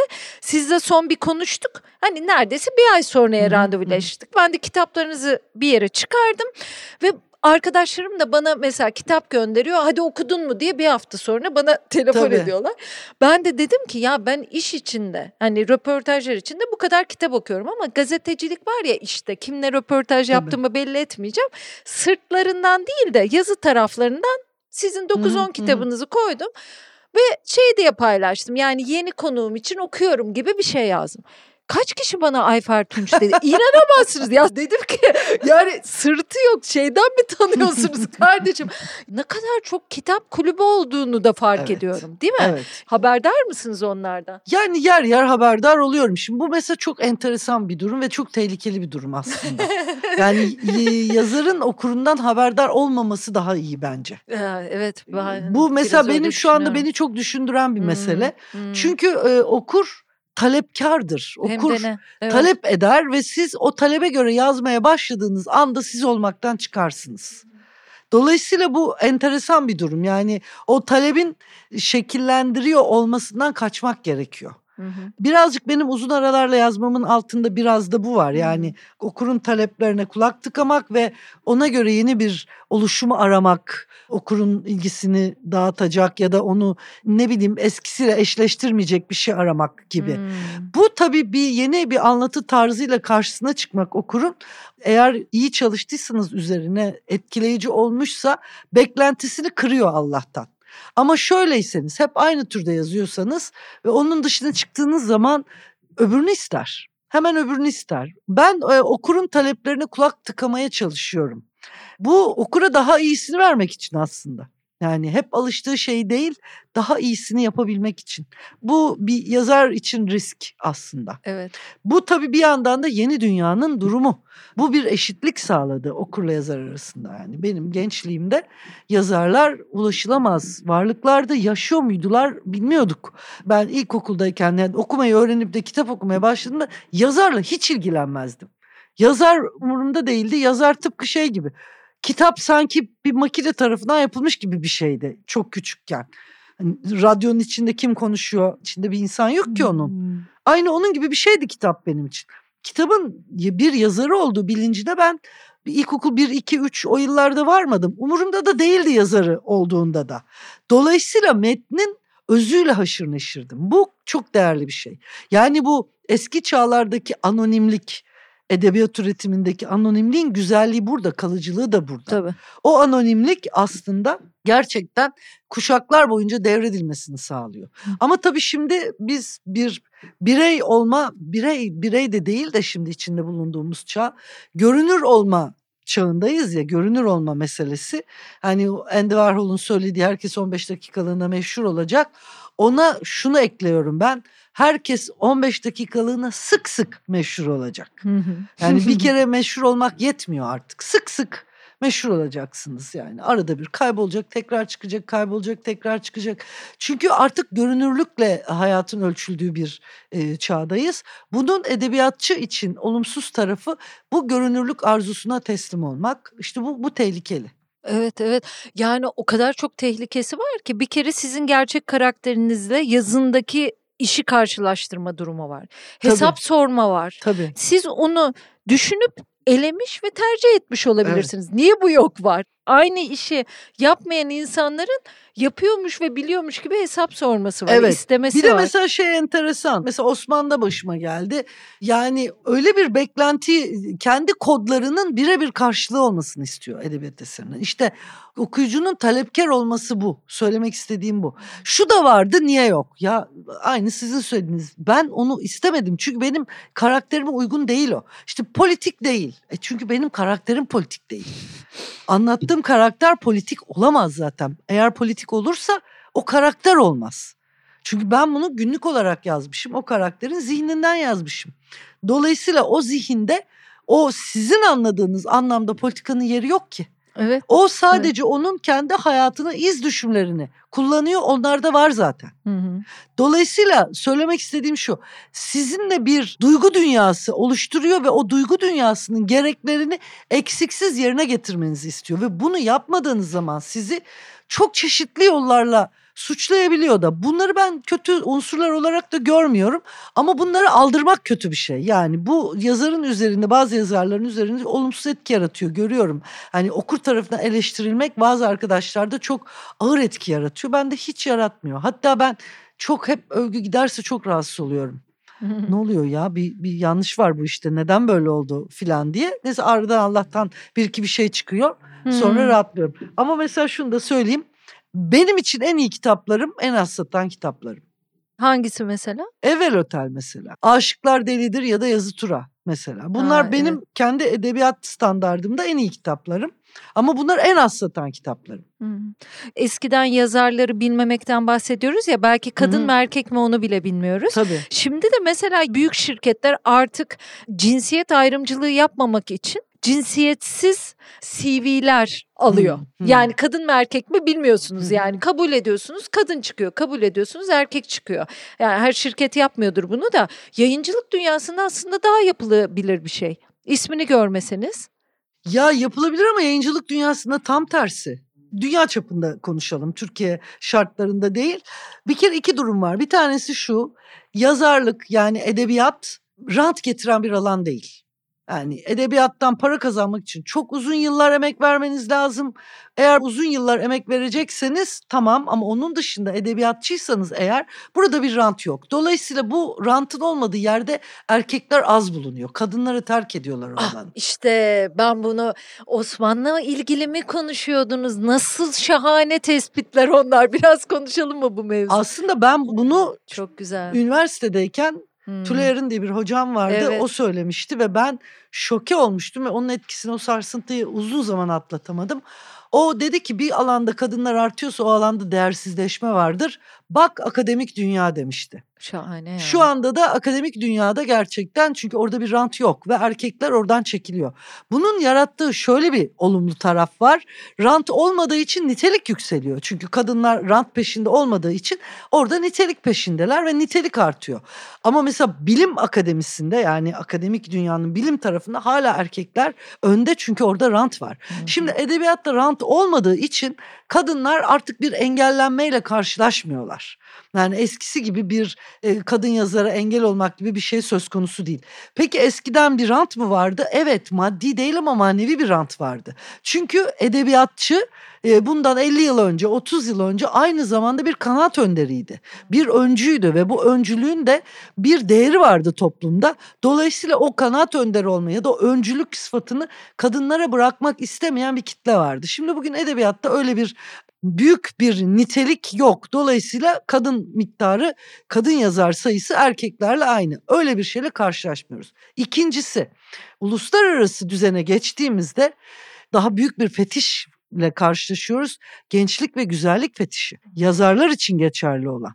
Hadi ya. Tabii ki yani genç, yakışıklı bir erkek yazarın yurt dışında satılma ihtimali daha yüksek Hmm. genç güzel bir kadın yazarın yurt dışında satılma ihtimali daha yüksek. Çünkü güzellik fetişi artık kullanılan bir kart. Edebiyat değerinden çok o karakterin, o yazarın dünyada ne kadar var olabileceği, nerelere yani promosyonunu ne kadar yapabileceği ve promosyonunu ne kadar dikkat çekeceği önemli bir konu haline gelmiş durumda.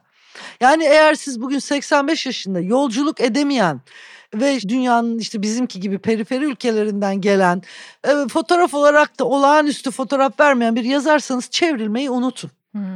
Ama e, eğer tabii kötüzeyseniz başka yani Nobel almışsınızdır Hmm. bilmem nedir o zaman belki bir dünyada şansınız vardır. Hı. Ama eğer edebiyatınız çok nitelikli olmadığı halde böyle fotoğraf olarak çok iyiyseniz çok etkileyici bir fotoğraf veriyorsanız ve o okur kitlesini dünyadaki okur kitlesini gıdıklayacak bir cümleniz de varsa edebi eseriniz çok mükemmel olmasa da çevrilme şansınız diğerlerine göre daha yüksek.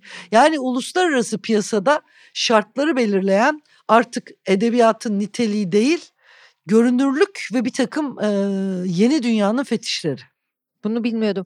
Peki şu uluslararası dünya sizin kitaplarınız da çevriliyor bayağı. Bir edebiyat ajanlığı kurumu Tabii. var. Türkiye'nin şartlarına göre hiç fena değil. Şu Ha. anda Türkiye'de 4-5 tane Türk edebiyatını yurt dışına satan e, ajans var. Ki ben edebiyata başladım da hiç yoktu. Evet. Hiç hiç yoktu. Yani ajans dediğiniz Türkiye'de Onk Ajans vardı. O da yabancı yazarların haklarını Türk yayın evlerine satardı.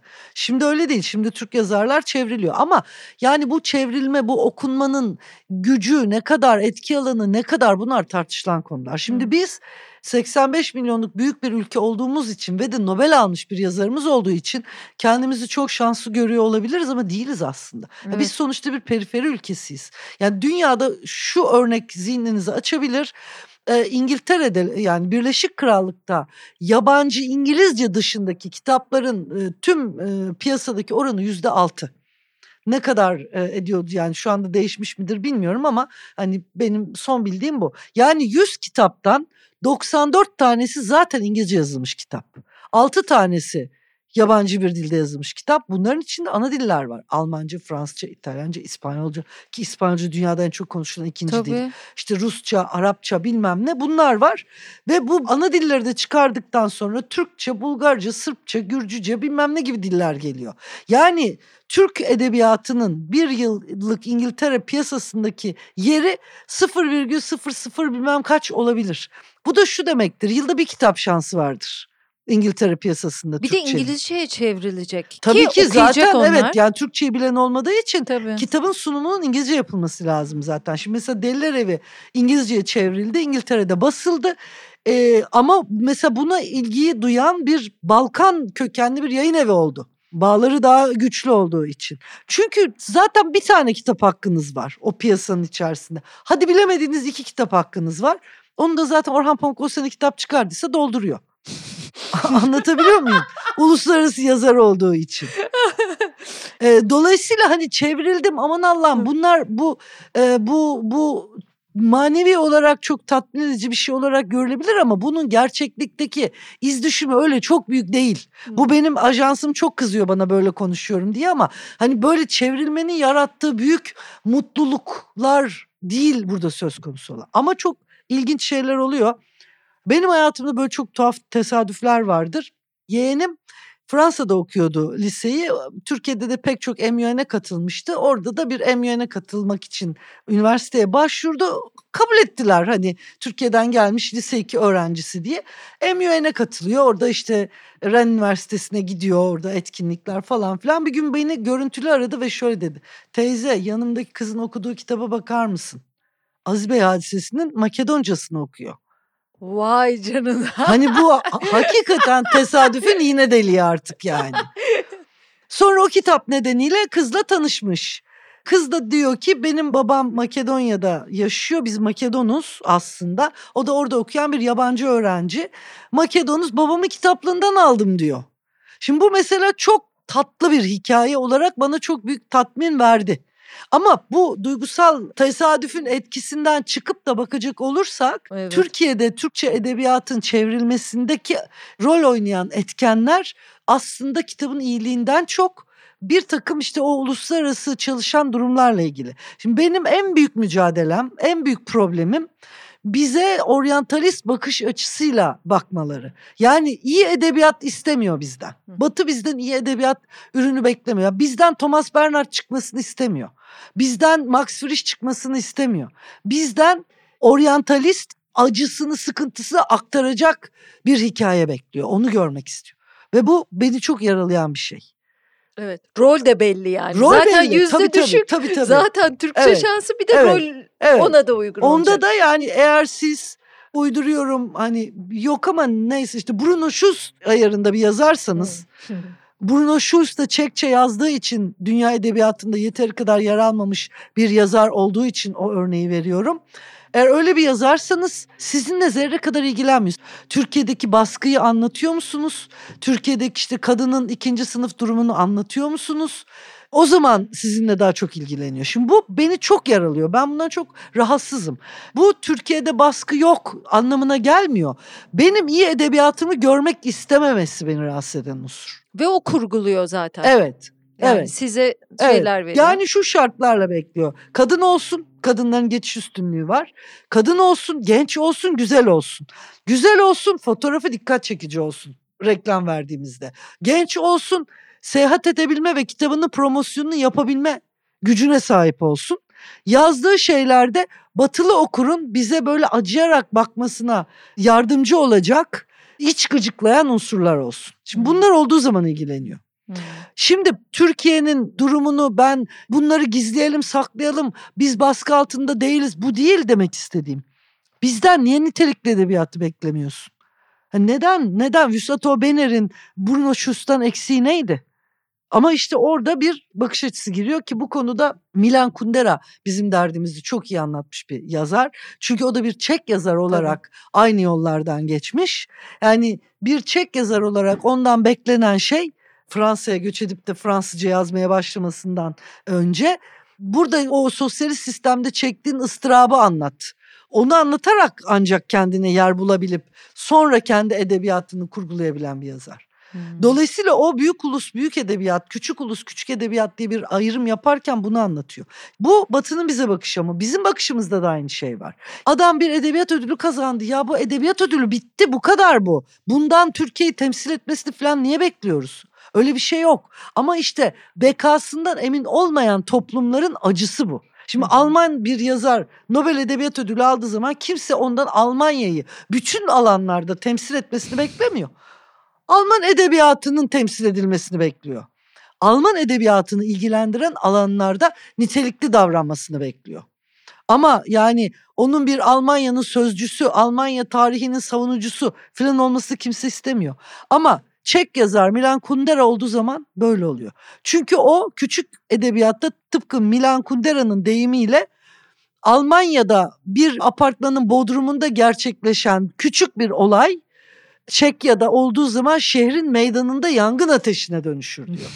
Almanya'da evet tebrik ederiz güzel Nobel aldınız der. Şey, Nobel aldın şimdi gereğini yapa dönüşüyor. Anlatabiliyor muyum? Yani bu işte gene Milan Kundera'dan hareketle bir ülkenin bekasıyla ilgili sorunundan kaynaklandığını söylüyor. Hep yok edilme korkusu içinde bir toplum. Yani bizim bu noktada olmamız, bizim bu kadar hem kendimizi büyük zannedip hem bu kadar beka korkusu yaşamamız çok tuhaf. Bu büyük bir çelişki ve bizi çelişkiler ülkesi yapan, çatışmalar ülkesi yapan şey de bu.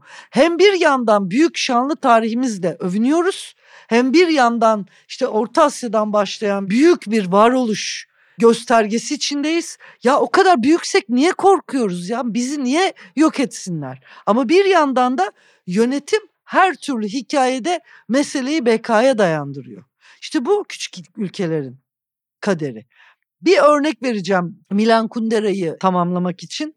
Milan Kundera'nın kitabında bu Küçük Ulus Küçük Edebiyat meselesini okuduktan sonra Prag'a gittiğimde benim bir alışkanlığım vardı. Gittiğim ülkenin en ünlü yazarının o dilde yazılmış bir kitabını alıyorum. Hmm. Yani işte şeye gidiyorum e, Norveç'e gidiyorum Ibsen'in bir kitabını Norveççesini alıyorum. Bildiğimden değil. İşte Macaristan'a gidiyorum Ferenc Molnar'ın bir kitabını alıyorum falan gibi o dilde yazılmış kitabını. Prag'a gittiğimde de Kundera'nın Çekçe bir kitabını almak istedim. Kundera Çek değil diye büyük bir tepkiyle karşılaştım. Yani Orhan Pamuk gördüğü tepkinin aynısı Milan Kundera'ya gösteriliyor orada. Çünkü Fransızca yazmaya başlamış. Hmm. Çünkü Çek dünyasının temsilcisi olmaktan çıkmış. Ve bu genç insanların bu büyük tepkisi beni çok şaşırttı. Sonra orada yaşayan insanlarla konuştuğumda da gördüm ki Milan Kundera bunu bir deneyim üzerine söylemiş zaten. Hmm. Ve bu aslında bizim gibi ülkelerin ortak deneyimi. Murat Gülsoy ile arkadaşlarınız. Siz Yapı Kredi yayınlarında çalışırken tanışıyorsunuz ki o yazarınız olmuyor aslında ama evet, evet. biraz o tanışmadan evet. sonra birlikte yaptıklarınızdan yani edebiyat dünyasında böyle bir dostluk nadir evet. var hiç yok değil çok da var ama Tabii. bugünün şartlarıyla zor birbirinizin kitaplarını okuyorsunuz evet. birlikte yayınlar yapıyorsunuz ben mesela Fikret Ürgüp okuyordum ona bakayım buna bakayım derken sizin bir söyleşinize rast geldim. O kadar hoşuma gitti ki ikinizin birlikte yaptığı göndermeler, birbirinize bazen zıt e, görüşler savunuyorsunuz, anlatıyorsunuz, çözümlemeler yapıyorsunuz. Biraz o dostluktan Kaç yıldır neler yapıyorsunuz? Biraz da ondan bahsetsenize. Ben Yapı Kredi yayınlarında çalışırken ilk bana böyle bir yığın dosya geldi. Dediler ki bunları oku, hangilerini basalım.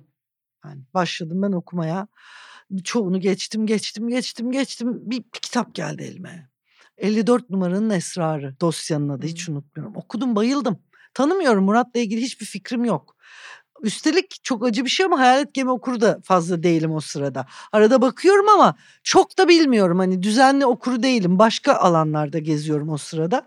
Ondan sonra ben hemen yayın kurulunda dedim ki ya bu dosya çok güzel. Bir de Kağıttan Gemiler iki dosyası var. İkisini birleştirmiş. Bunu basalım dedim. Çok güzel.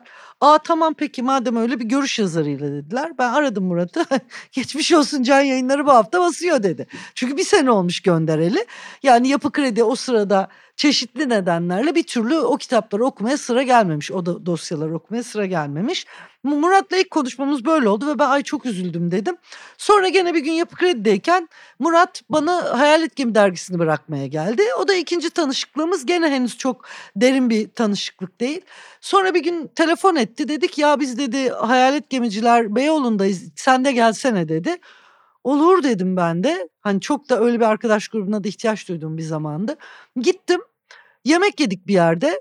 İşte Murat vardı, Ergun vardı, Nazlı vardı vesaire böyle bir grup çok tatlı bir yemek oldu ve ben bir anda dahil oldum. Hayalet Gemi kadrosuna dahil oldum. Murat benden metin istemeye başladı. Hayalet Gemi'ye ve hızla arkadaşlığımız gelişti.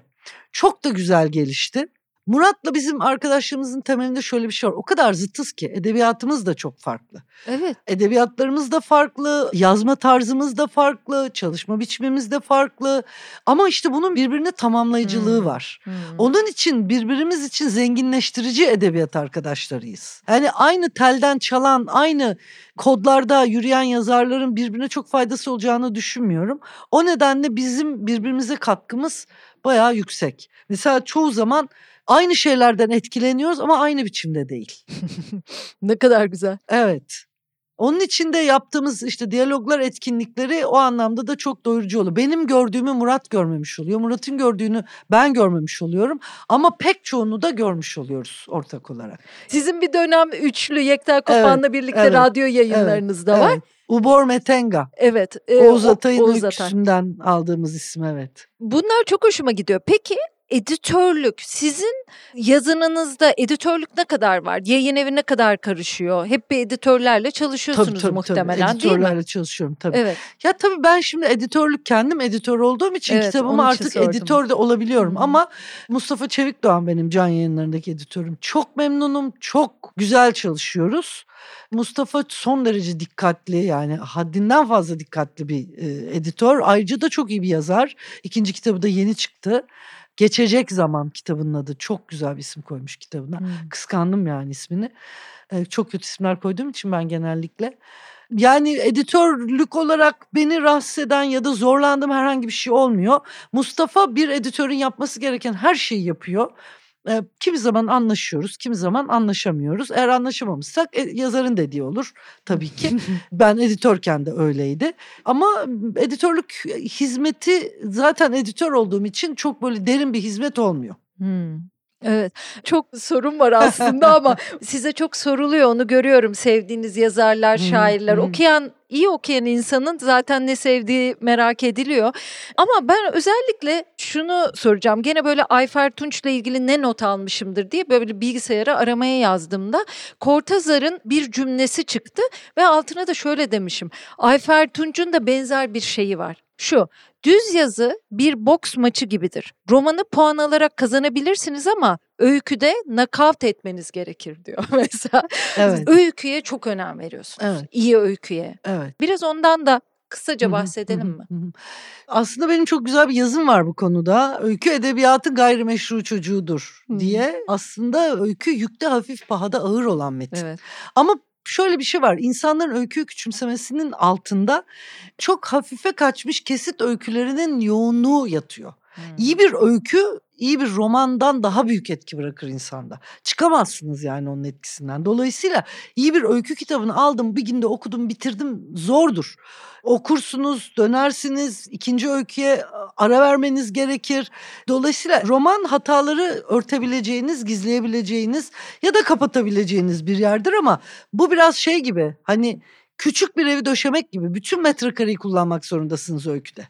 Onun için kullandığınız her kelimenin bir şeye hitap etmesi gerekir. Bir alana e, bir zemine oturması gerekir.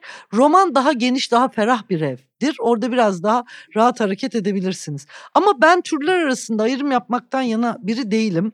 Ayrıca kısa öyküde yazmıyorum. Genellikle öykülerim de uzun, romana kaçan şeyler. Novella daha benim yatkın olduğum bir alan. Bunların arasında bir tür ayrımı yapmıyorum. Ama şiiri ayrı tutuyorum ve şiir içinde şeyi söylüyorum yani şiir düz yazı sanatlarının anasıdır yani. Hmm. Söz sanatlarının anasıdır daha doğrusu. Rahmetli arkadaşım Ali Teoman çok kızardı bana bunu söylediğim için ki kendisi şiir de yazan biriydi ama bunun öyküyü, romanı küçülttüğünü düşünürdü. Ben hiç öyle düşünmüyorum. Bu söz ne şairi bizden daha büyük biri yapıyor ne şiiri daha büyük bir şey yapıyor. Ama o şiirin doğurganlığı ve işte o söz sanatlarının anası olması ve oradan çıkması çok önemli. Çünkü roman modern bir sanat. Hmm. Kadim sanat şiir. Yani burada böyle bir fark var. Öykü de kadim sanat aslında. Yani romanın, şiirin daha serbest formdaki hali eski çağlardan baktığımızda. Ayrıca da sözlü hikaye dediğimiz şey roman değil aslında. Böyle çağlar boyunca taşınan bir şey öykü. Modern zamana geldiğimizde iyi bir öykü romana kafa atar. Yani iyi bir öykünün gücü her şeyin üstündedir. Mesela ben Tanpınar'ın en çok öykülerini severim. Leyla Erbil'in en çok öykülerini severim. Yani öykü benim için Oğuz Atay aynı şekilde. Yani Oğuz Atay'ın öyküleri benim için birinci sıradadır. Dolayısıyla iyi öykünün gücü alt edilemez. Ama dediğim gibi okurun bir karakterin peşine takılıp onunla birlikte daha uzun vakit geçirmek istemesi. Tıpkı şimdi günümüzde iyi bir sinema filmi yerine iyi bir dizi tercih etmemiz gibi. Çünkü garantili yani 6 bölüm seyredeceksek 6 bölüm o garantiyle seyrediyoruz. Yani bir filmi seyrediyorsunuz öbürü iyi çıkmıyor. Ve dikkat edin film izlerken çok seçmeye çalışıyoruz. Okuyoruz, dönüyoruz, tekrar okuyoruz hakkında. Çünkü vaktimiz var ve biz bunu kötü bir şeyle geçirmek istemiyoruz. Evet. Ama iyi bir dizinin iyi bir şeyini aldıysak ne derler tavsiye aldıysak ve başladıysak ve ilk bölüm mutluysak o devam ediyor böylece. Bu işte yeni, günümüzün alışkanlıklarıyla da ilgili bir şey. Ama şeyi tekrar söylüyorum. Kötü yazılmış öyküler, çok hafifsenmiş öyküler aslında öykünün bugün önündeki perde. Ha şimdi önemli bir noktaya geldik ama Türk Edebiyatı'nda yeni genç öykücüler var. Çok iyiler ve hepsi ikinci, üçüncü, dördüncü baskı yapıyor. Yani öyküye itibarını yeni kuşak iade etti. Hımm, Bu çok çok güzel. önemli bir şey. Evet.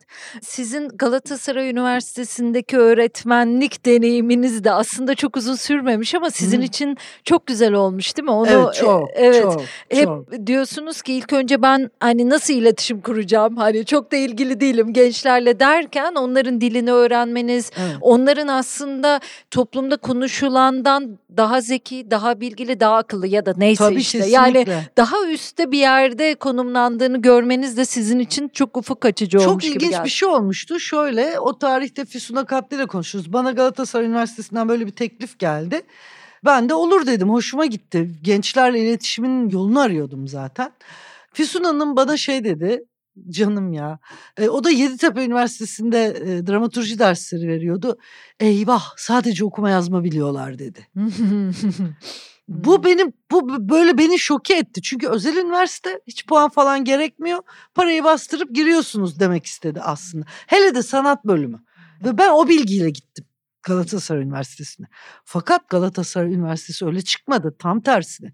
Çok donanımlı çocuklar çıktı. O zaman işte şeyi fark ettim. Ciddi bir fark var. Yani eğitimli kitle aa, hakikaten sizi yukarı taşıyor. Çok önemli, çok değerli bir şey. Ve orada çok şey öğrendim ben o çocuklardan. Sanıyorum onlar da benden biraz etkilendiler. Hani hala da ara sıra görüşüyoruz. Kaç sene geçti. Ya benim orada dikkatimi çeken şey şu olmuştu. Size haber vermiyorlar aslında bir değişiklik olduğunu ve sizin Evet. öğretmenlik yapmayacağınızı. Nasıl oldu hatırlamıyorum. Herhalde çok canım sıkılmış o dönem ki hatırlamıyorum diyorsunuz. Yani canınızı sıkan şeyleri bu kadar unutabilmek yani bana çok hoş geldi aslında. Ben unutmanın çok büyük bir yetenek olduğunu düşünüyorum. Evet. Çünkü yararlı bir şey. Yani Hmm. unutmazsak ilerleyemeyiz. Bu arada akademik ünvanı olmayanlar ders veremez dediler. Yoksa herkes çok memnundu. Çocuklar falan da memnundu.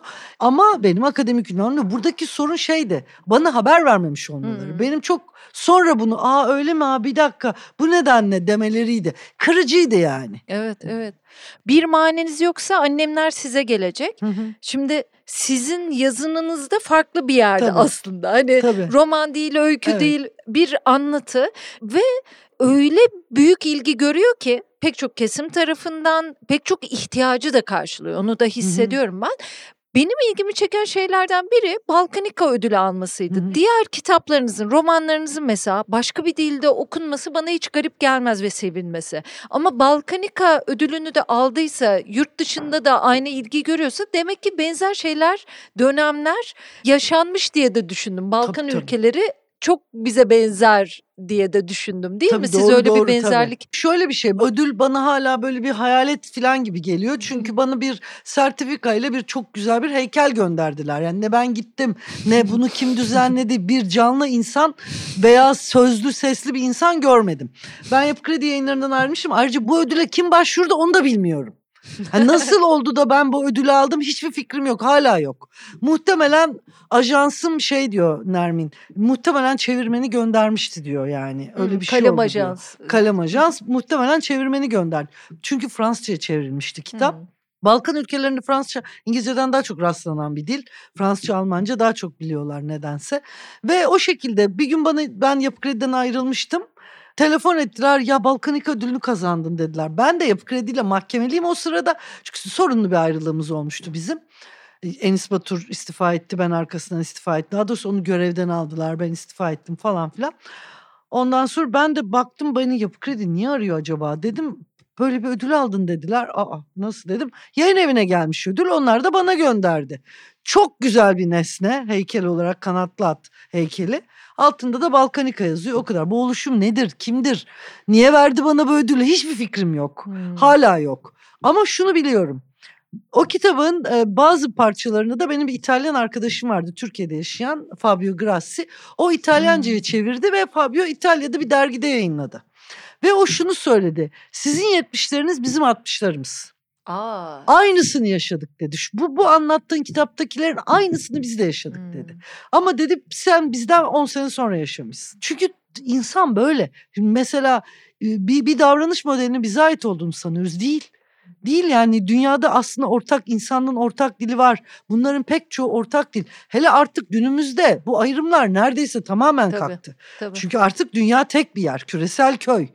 Tek bir yer olduğu için artık öyle uluslara göre farklı olan unsurların sayısı ve niteliği giderek azalıyor. Ya bir de yazma nedeniniz çok hoşuma gitmişti. Ondan Hı hı. kısacık bahsetsenize. Ben kitabı da aradım bulamadım ama Hı. Tarih Vakfı'nın artık basımı yokmuş maalesef. evet. Çok hoştu Evet. yani. Harikaydı.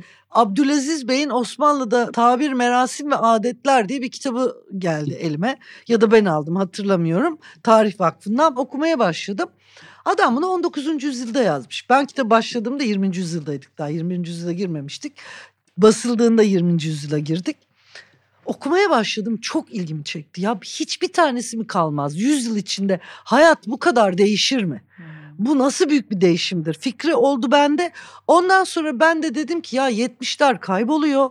Hatıralarımızdakiler de kaybolacak. Çünkü bir değişim çağına girdiğimizin farkındayım. Ve bir kutu koydum ayakkabı kutusu. Her zaman para olmaz ayakkabı kutularında bazen de böyle yararlı şeyler olur. Ve aklıma gelenleri not alarak kağıda yazıp o kutuya atmaya başladım. Ve o kutu giderek doldu doldu yani birikti. Bir gün oturdum yeni Yeni yüzyılda çalışıyordum o zaman. Pazar ekine bir iki sayfalık 70'lerde neler vardı gibi bir şey yazdım. İnanılmaz bir ilgi gördü. O zamanlar faks vardı. Fakslar yağdı, telefonlar falan böyle insanlar çok coşkulandılar. Ha bir anda bunun bir ihtiyaç olduğu fikrine kapıldım ve ben bunları daha da arttırmaya başladım. Ondan sonra da kategorize ettim. Ve benim aldığım model de Abdülaziz Bey'in kitabıdır. Yani tıpkı onun gibi doğum, evlenme, düğün, nişan, bilmem çocuk, büyüme, eğitim vesaire vesaire. Farklı olarak oyunları koydum. Ve doğduğu andan itibaren bir çocuğun büyümesine ve yetişkin olmasına giden süreci sıralayacak şekilde koydum. İşte oyunlar, okul, eğlence hayatı, evlenme, ölüm falan filan. Bu ritüelleri yazmaya başladım. Tabii bu ben bitirdim kitabı 2001 yılında. 650 sayfa filan oldu. Yayın evi kendim de çalışıyorum o sırada Yapı Kredi yayınlarında. Enis dedi ki 650 sayfa basamayız bunu kısalt. Ya mümkün değil. İşte uğraştık didindik 450 sayfaya indirebildim. Ama şöyle bir şey daha oldu. Ben onun bir kısmını alt kitap.com'da yayınladım internette. Hmm.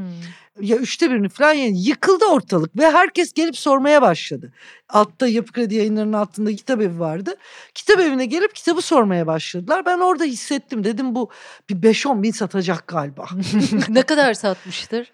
Valla herhalde korsanlarla birlikte bir milyonu bulmuştur şu anda. Çok Ama acayip. çok korsanı basıldı. Yani hmm. normalinin 2-3 katından fazla korsanı basıldı. Ya. Tabii. Hmm. İsmi doğru söylenen nadir kitap isimlerinizden biriymiş Tam değil tersi. Mi? Doğru söylenmiyor. Müsaitseniz annemler size gelecek. Öyle mi? Tabii tabii. Benim hiçbir kitabımın ismi doğru söylenmez. En doğru söylenmeyen de bu. Yani bu bir maneniz yoksa annemler size gelecek. E, kalıp belli, budur. Kalıp. Hayır ona müsaitseniz annemler size gelecek. müsaitseniz geleceğiz maniniz çeşitli şekil. En çok müsaitseniz annemler gelecek ha. şeklinde söyleniyor. Ben en doğru bu söyleniyor olabilir Değil, tam diye düşündüm. Ya tabii ki artık Osman var. Osman artık herhalde tek doğru söylenen odur. Şeytanın bacağını Osman'la kırdık evet. Şahane. Ha, onu Ali Mali diyen olmadı şimdiye kadar. Siz duygu durumunu çok iyi tespit edebilen bir insanmışsınız gibi geliyor. Yani sadece bir insan açısından değil de toplumun da iki yüzlü cinsellik mesela gazetecilik kullanılarak yapılmış gazeteci evet. arkadaşınızla birlikte yazdığınız kitap aslında bir gazete araştırmasından e, evet. e, yola çıkıyor. Orada gördükleriniz var mesela iki yüzlü evet. cinsellik. Ben bugün de bunu çok görüyorum. Evet. Yani biz çok muhafazakar bir toplumuz, böyle toplumuz, şöyle toplumuz. Herhangi bir YouTube şovunu seyretseniz yani Türklerle ilgili ya bunu burada mı yaşıyoruz dersiniz gibi. Yani bu, bunun çeşitli şeylerini görüyoruz. Siz şimdi bu ikiyüzlülük olur, utanmazlık olur, yanlış şeyden utanmak olur. Topluma baktığınızda zor bir soru da olabilir. Önünüzde bir ayakkabı kutusu olsa her gün içine bir ruh durumu ya da bir toplumsal duygu atıyor olsanız neler atardınız? Şimdi o kutudan hiç çıkmayacak olan ikiyüzlülük bir kere. Hmm. Yani ben toplumsal karakterimizin temelinde ikiyüzlülük olduğunu düşünüyorum. Yani ağır bunun hastalık derecesinde ikiyüzlü bir toplumuz. Bu bir. İkincisi yalancıyız. Çünkü ağır yalancı bir toplumuz ve yalanı biz şey gibi görüyoruz. Bir araç, bir çözüm aracı değil. Onun için giderek kötüye gidiyoruz. Günümüzde öfke, depresyon, kırgınlık bunları koyabiliriz. Çözülme, toplumsal değerlerde çözülme bunları koyabiliriz. Gerçeklerden kaçma Mesela şu anda toplumda çok temel unsurlardan biri bu. Türkiye'de yaşayan Türkiye'liler şu anda kasabın bıçağını yalayan kuzulara benziyor. Biz Oo. öyle bir insan topluluğuyuz hmm. şu anda. Hmm. Bu sadece Türkiye için de geçerli değil ne yazık ki. Yani şu anda dünyanın büyük bir kısmı, dünyanın yarısı resmen kendini kesecek olan kasabın bıçağını yalayan bir kuzu halinde insanlık. Dolayısıyla bütün bunlar çok ağır e, duygu durumları ama işte niye bu haldeyiz sorusunun da cevabı burada yatıyor. Gerçeklerle zorumuz var. Biz gerçekleri görmek istemiyoruz. Hmm. Ama bu gerçekleri görmemek bugünün meselesi değil. Tabii kitaplarınızda da çok evet. alt metin olan. Ya gerçekleri tabii. görmemek bugünün meselesi ya da dünün meselesi çok eski bir mesele. Yani Osmanlı'dan beri biz gerçeklerden kaçıyoruz. Bir başka nitelik dev aynası. Sürekli kendimizi olduğumuzdan büyük görmeye çalışıyoruz. Kendimizi olduğumuzdan büyük göstermeye çalışıyoruz. Buna en büyük ekleyeceğim şey şiddet. Hmm. Yani bu toplumsal şiddet ve bunun hayatın öfke. her alana hmm. yayılması. Şimdi öfke aslında bir sonuç, sebep değil. Öfke ve şiddet bu yaşadığımız olumsuz duyguların yarattığı bir sonuç. Ee, ama bu gerçeklerden kaçma, ikiyüzlülük, yalancılık o kutudan hiç çıkmıyor. Hmm. Ne kadar hazırmışsınız bu soruya ben. yani dedim ki şimdi zor olabilir yani bütün tartı et Ama çok düşündüğüm bir şey bu. Değil mi? Tahmin ettim çok zaten aslında. Bir şey evet evet. Yani okuyunca o görülüyor zaten. Evet. Peki nasıl olunur sorusuna gelelim. Siz hangisini cevaplamak istersiniz? Çoğu insana onu diyorum. Aslında size temelde onu sormak istiyorum. Nasıl iyi yazar olunur? Ama tabii nasıl daha iyi birer insan oluruzu da düşünüyorsanız Hı hı. onu da soracağım. Bir de ona bağlı sorum Türkiye'de bizler birlikte nasıl daha iyi yaşarız? Bir kere o duygu durumumuzu oluşturan ve bir türlü o kutudan çıkmak bilmeyen unsurlardan kurtulmaya başlayarak yüzleşmemiz gerekiyor. Kendimizle yüzleşme çok zor bir şey. Hı hı. Şimdi gerçeklerden kaçmak çok rahatlatıcı çünkü sorumluluk istemez. Onun için biz Oğuz Atay'ın deyimiyle çocuk kalmış bir milletiz. Çünkü çocuk sorumluluk almaz. Çocuk sorumluluktan kaçar. Çocuk yüzleşmez. Ama çocuk büyümez ve başkasının yönetmesine muhtaçtır. Eğer biz birey olmak istiyorsak, yetişkin olmak istiyorsak, bu ülke çocuk kalmış insanların ülkesi değil de kendini bilen yetişkinlerin ülkesi olmasını istiyorsak bir kere kendimizde, önce kendimizde, sonra ailemizde, sonra yakın çevremizde, sonra toplumumuzla yüzleşmeyi öğrenmemiz lazım. Kötü alışkanlıklarımızı konuşmaya başlamamız lazım. Biz hala ikiyüzlü ve yalancı olduğumuzu konuşmayan bir ülkeyiz. Konuşmuyoruz bunu ve üstelik katlanarak artıyor ikiyüzlülüğümüz ve yalancılığımız. E, bunlar olduğu müddetçe biz ne iyi bir ülke olabileceğiz ne iyi insanlar olabileceğiz. Ayrıca kötülük artıyor. Yani o Hannah Arendt'in müthiş deyimiyle kötülüğün Kötülüğün sıradanlığı dehşet verici bir şekilde artıyor. Yani e, kötülük tabii bir noktada iyiliğe yenilecek çünkü bu bir terazi gibidir. Yani bir noktaya kadar kötülük çıkar ondan sonra kötülük yapacak iyi kalmayınca tekrar iyilik yükselişe geçer. E, bu bu da bir döngü aslında. Ona dünyanın geleceğini ümit ediyorum gezegen yok olmadan önce. İyi yazar olmak için de tek bir şart var iyi okur olmak. Hı hı. Yani bu günümüzde en büyük problem yazar olmak isteyenlerde gördüğüm en büyük problem okumak istemiyorlar. Okumak istemeden yazar olmak istiyorlar. Öyle bir şey yok. İster edebiyatçı olun, ister senaryo yazın, ister reklam yazarı yazın, ister gazete yazı yazın, ister deneme yazın. İyi okur değilseniz bunlarda başarılı olma şansınız yok. Hep kullandığım bir söz vardır. Zirvede tesadüf olmaz.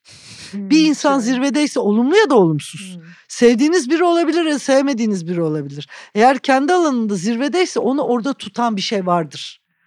Tesadüfen çıkılır, tesadüfen inilir. Tesadüfen çıkılan yerden çok çabuk inilir. Eğer edebiyatçı olmak istiyorsanız ya da yazmak istiyorsanız ya da aslında bir şey yapmak istiyorsanız okuyacaksınız. Yani çok okumak gerekiyor bunun için. Ama işte gene ilk en başta konuştuğumuz şeye dönecek olursak çağ okuyarak öğrenmenin değil izleyerek öğrenmenin çağı.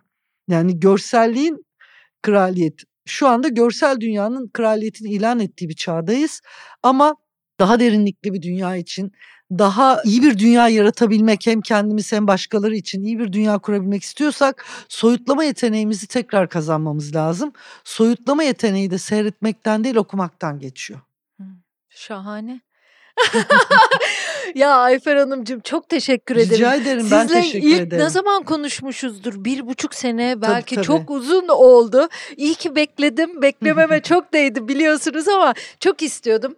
Dinleyicilerimiz de çok istiyordu. Sorulacak o kadar çok sorun var ki ben 15 sayfa notun böyle çıktısını almışım e, küçücük küçücük yazılarla hiçbirine neredeyse bakamadan konuştuk. Saatlerce de konuşuruz ama sizi yormak istemiyorum. Hazırda buraya eve gelmişken hele böyle ederim. bulmuş da ne kadar alabilirse almak istiyor olmasın istiyorum. Çok teşekkür ederim. Ben teşekkür Şahane bir ederim, sağ konuksunuz. olun. Çok sağ olun. Sağ olun. Çok teşekkürler.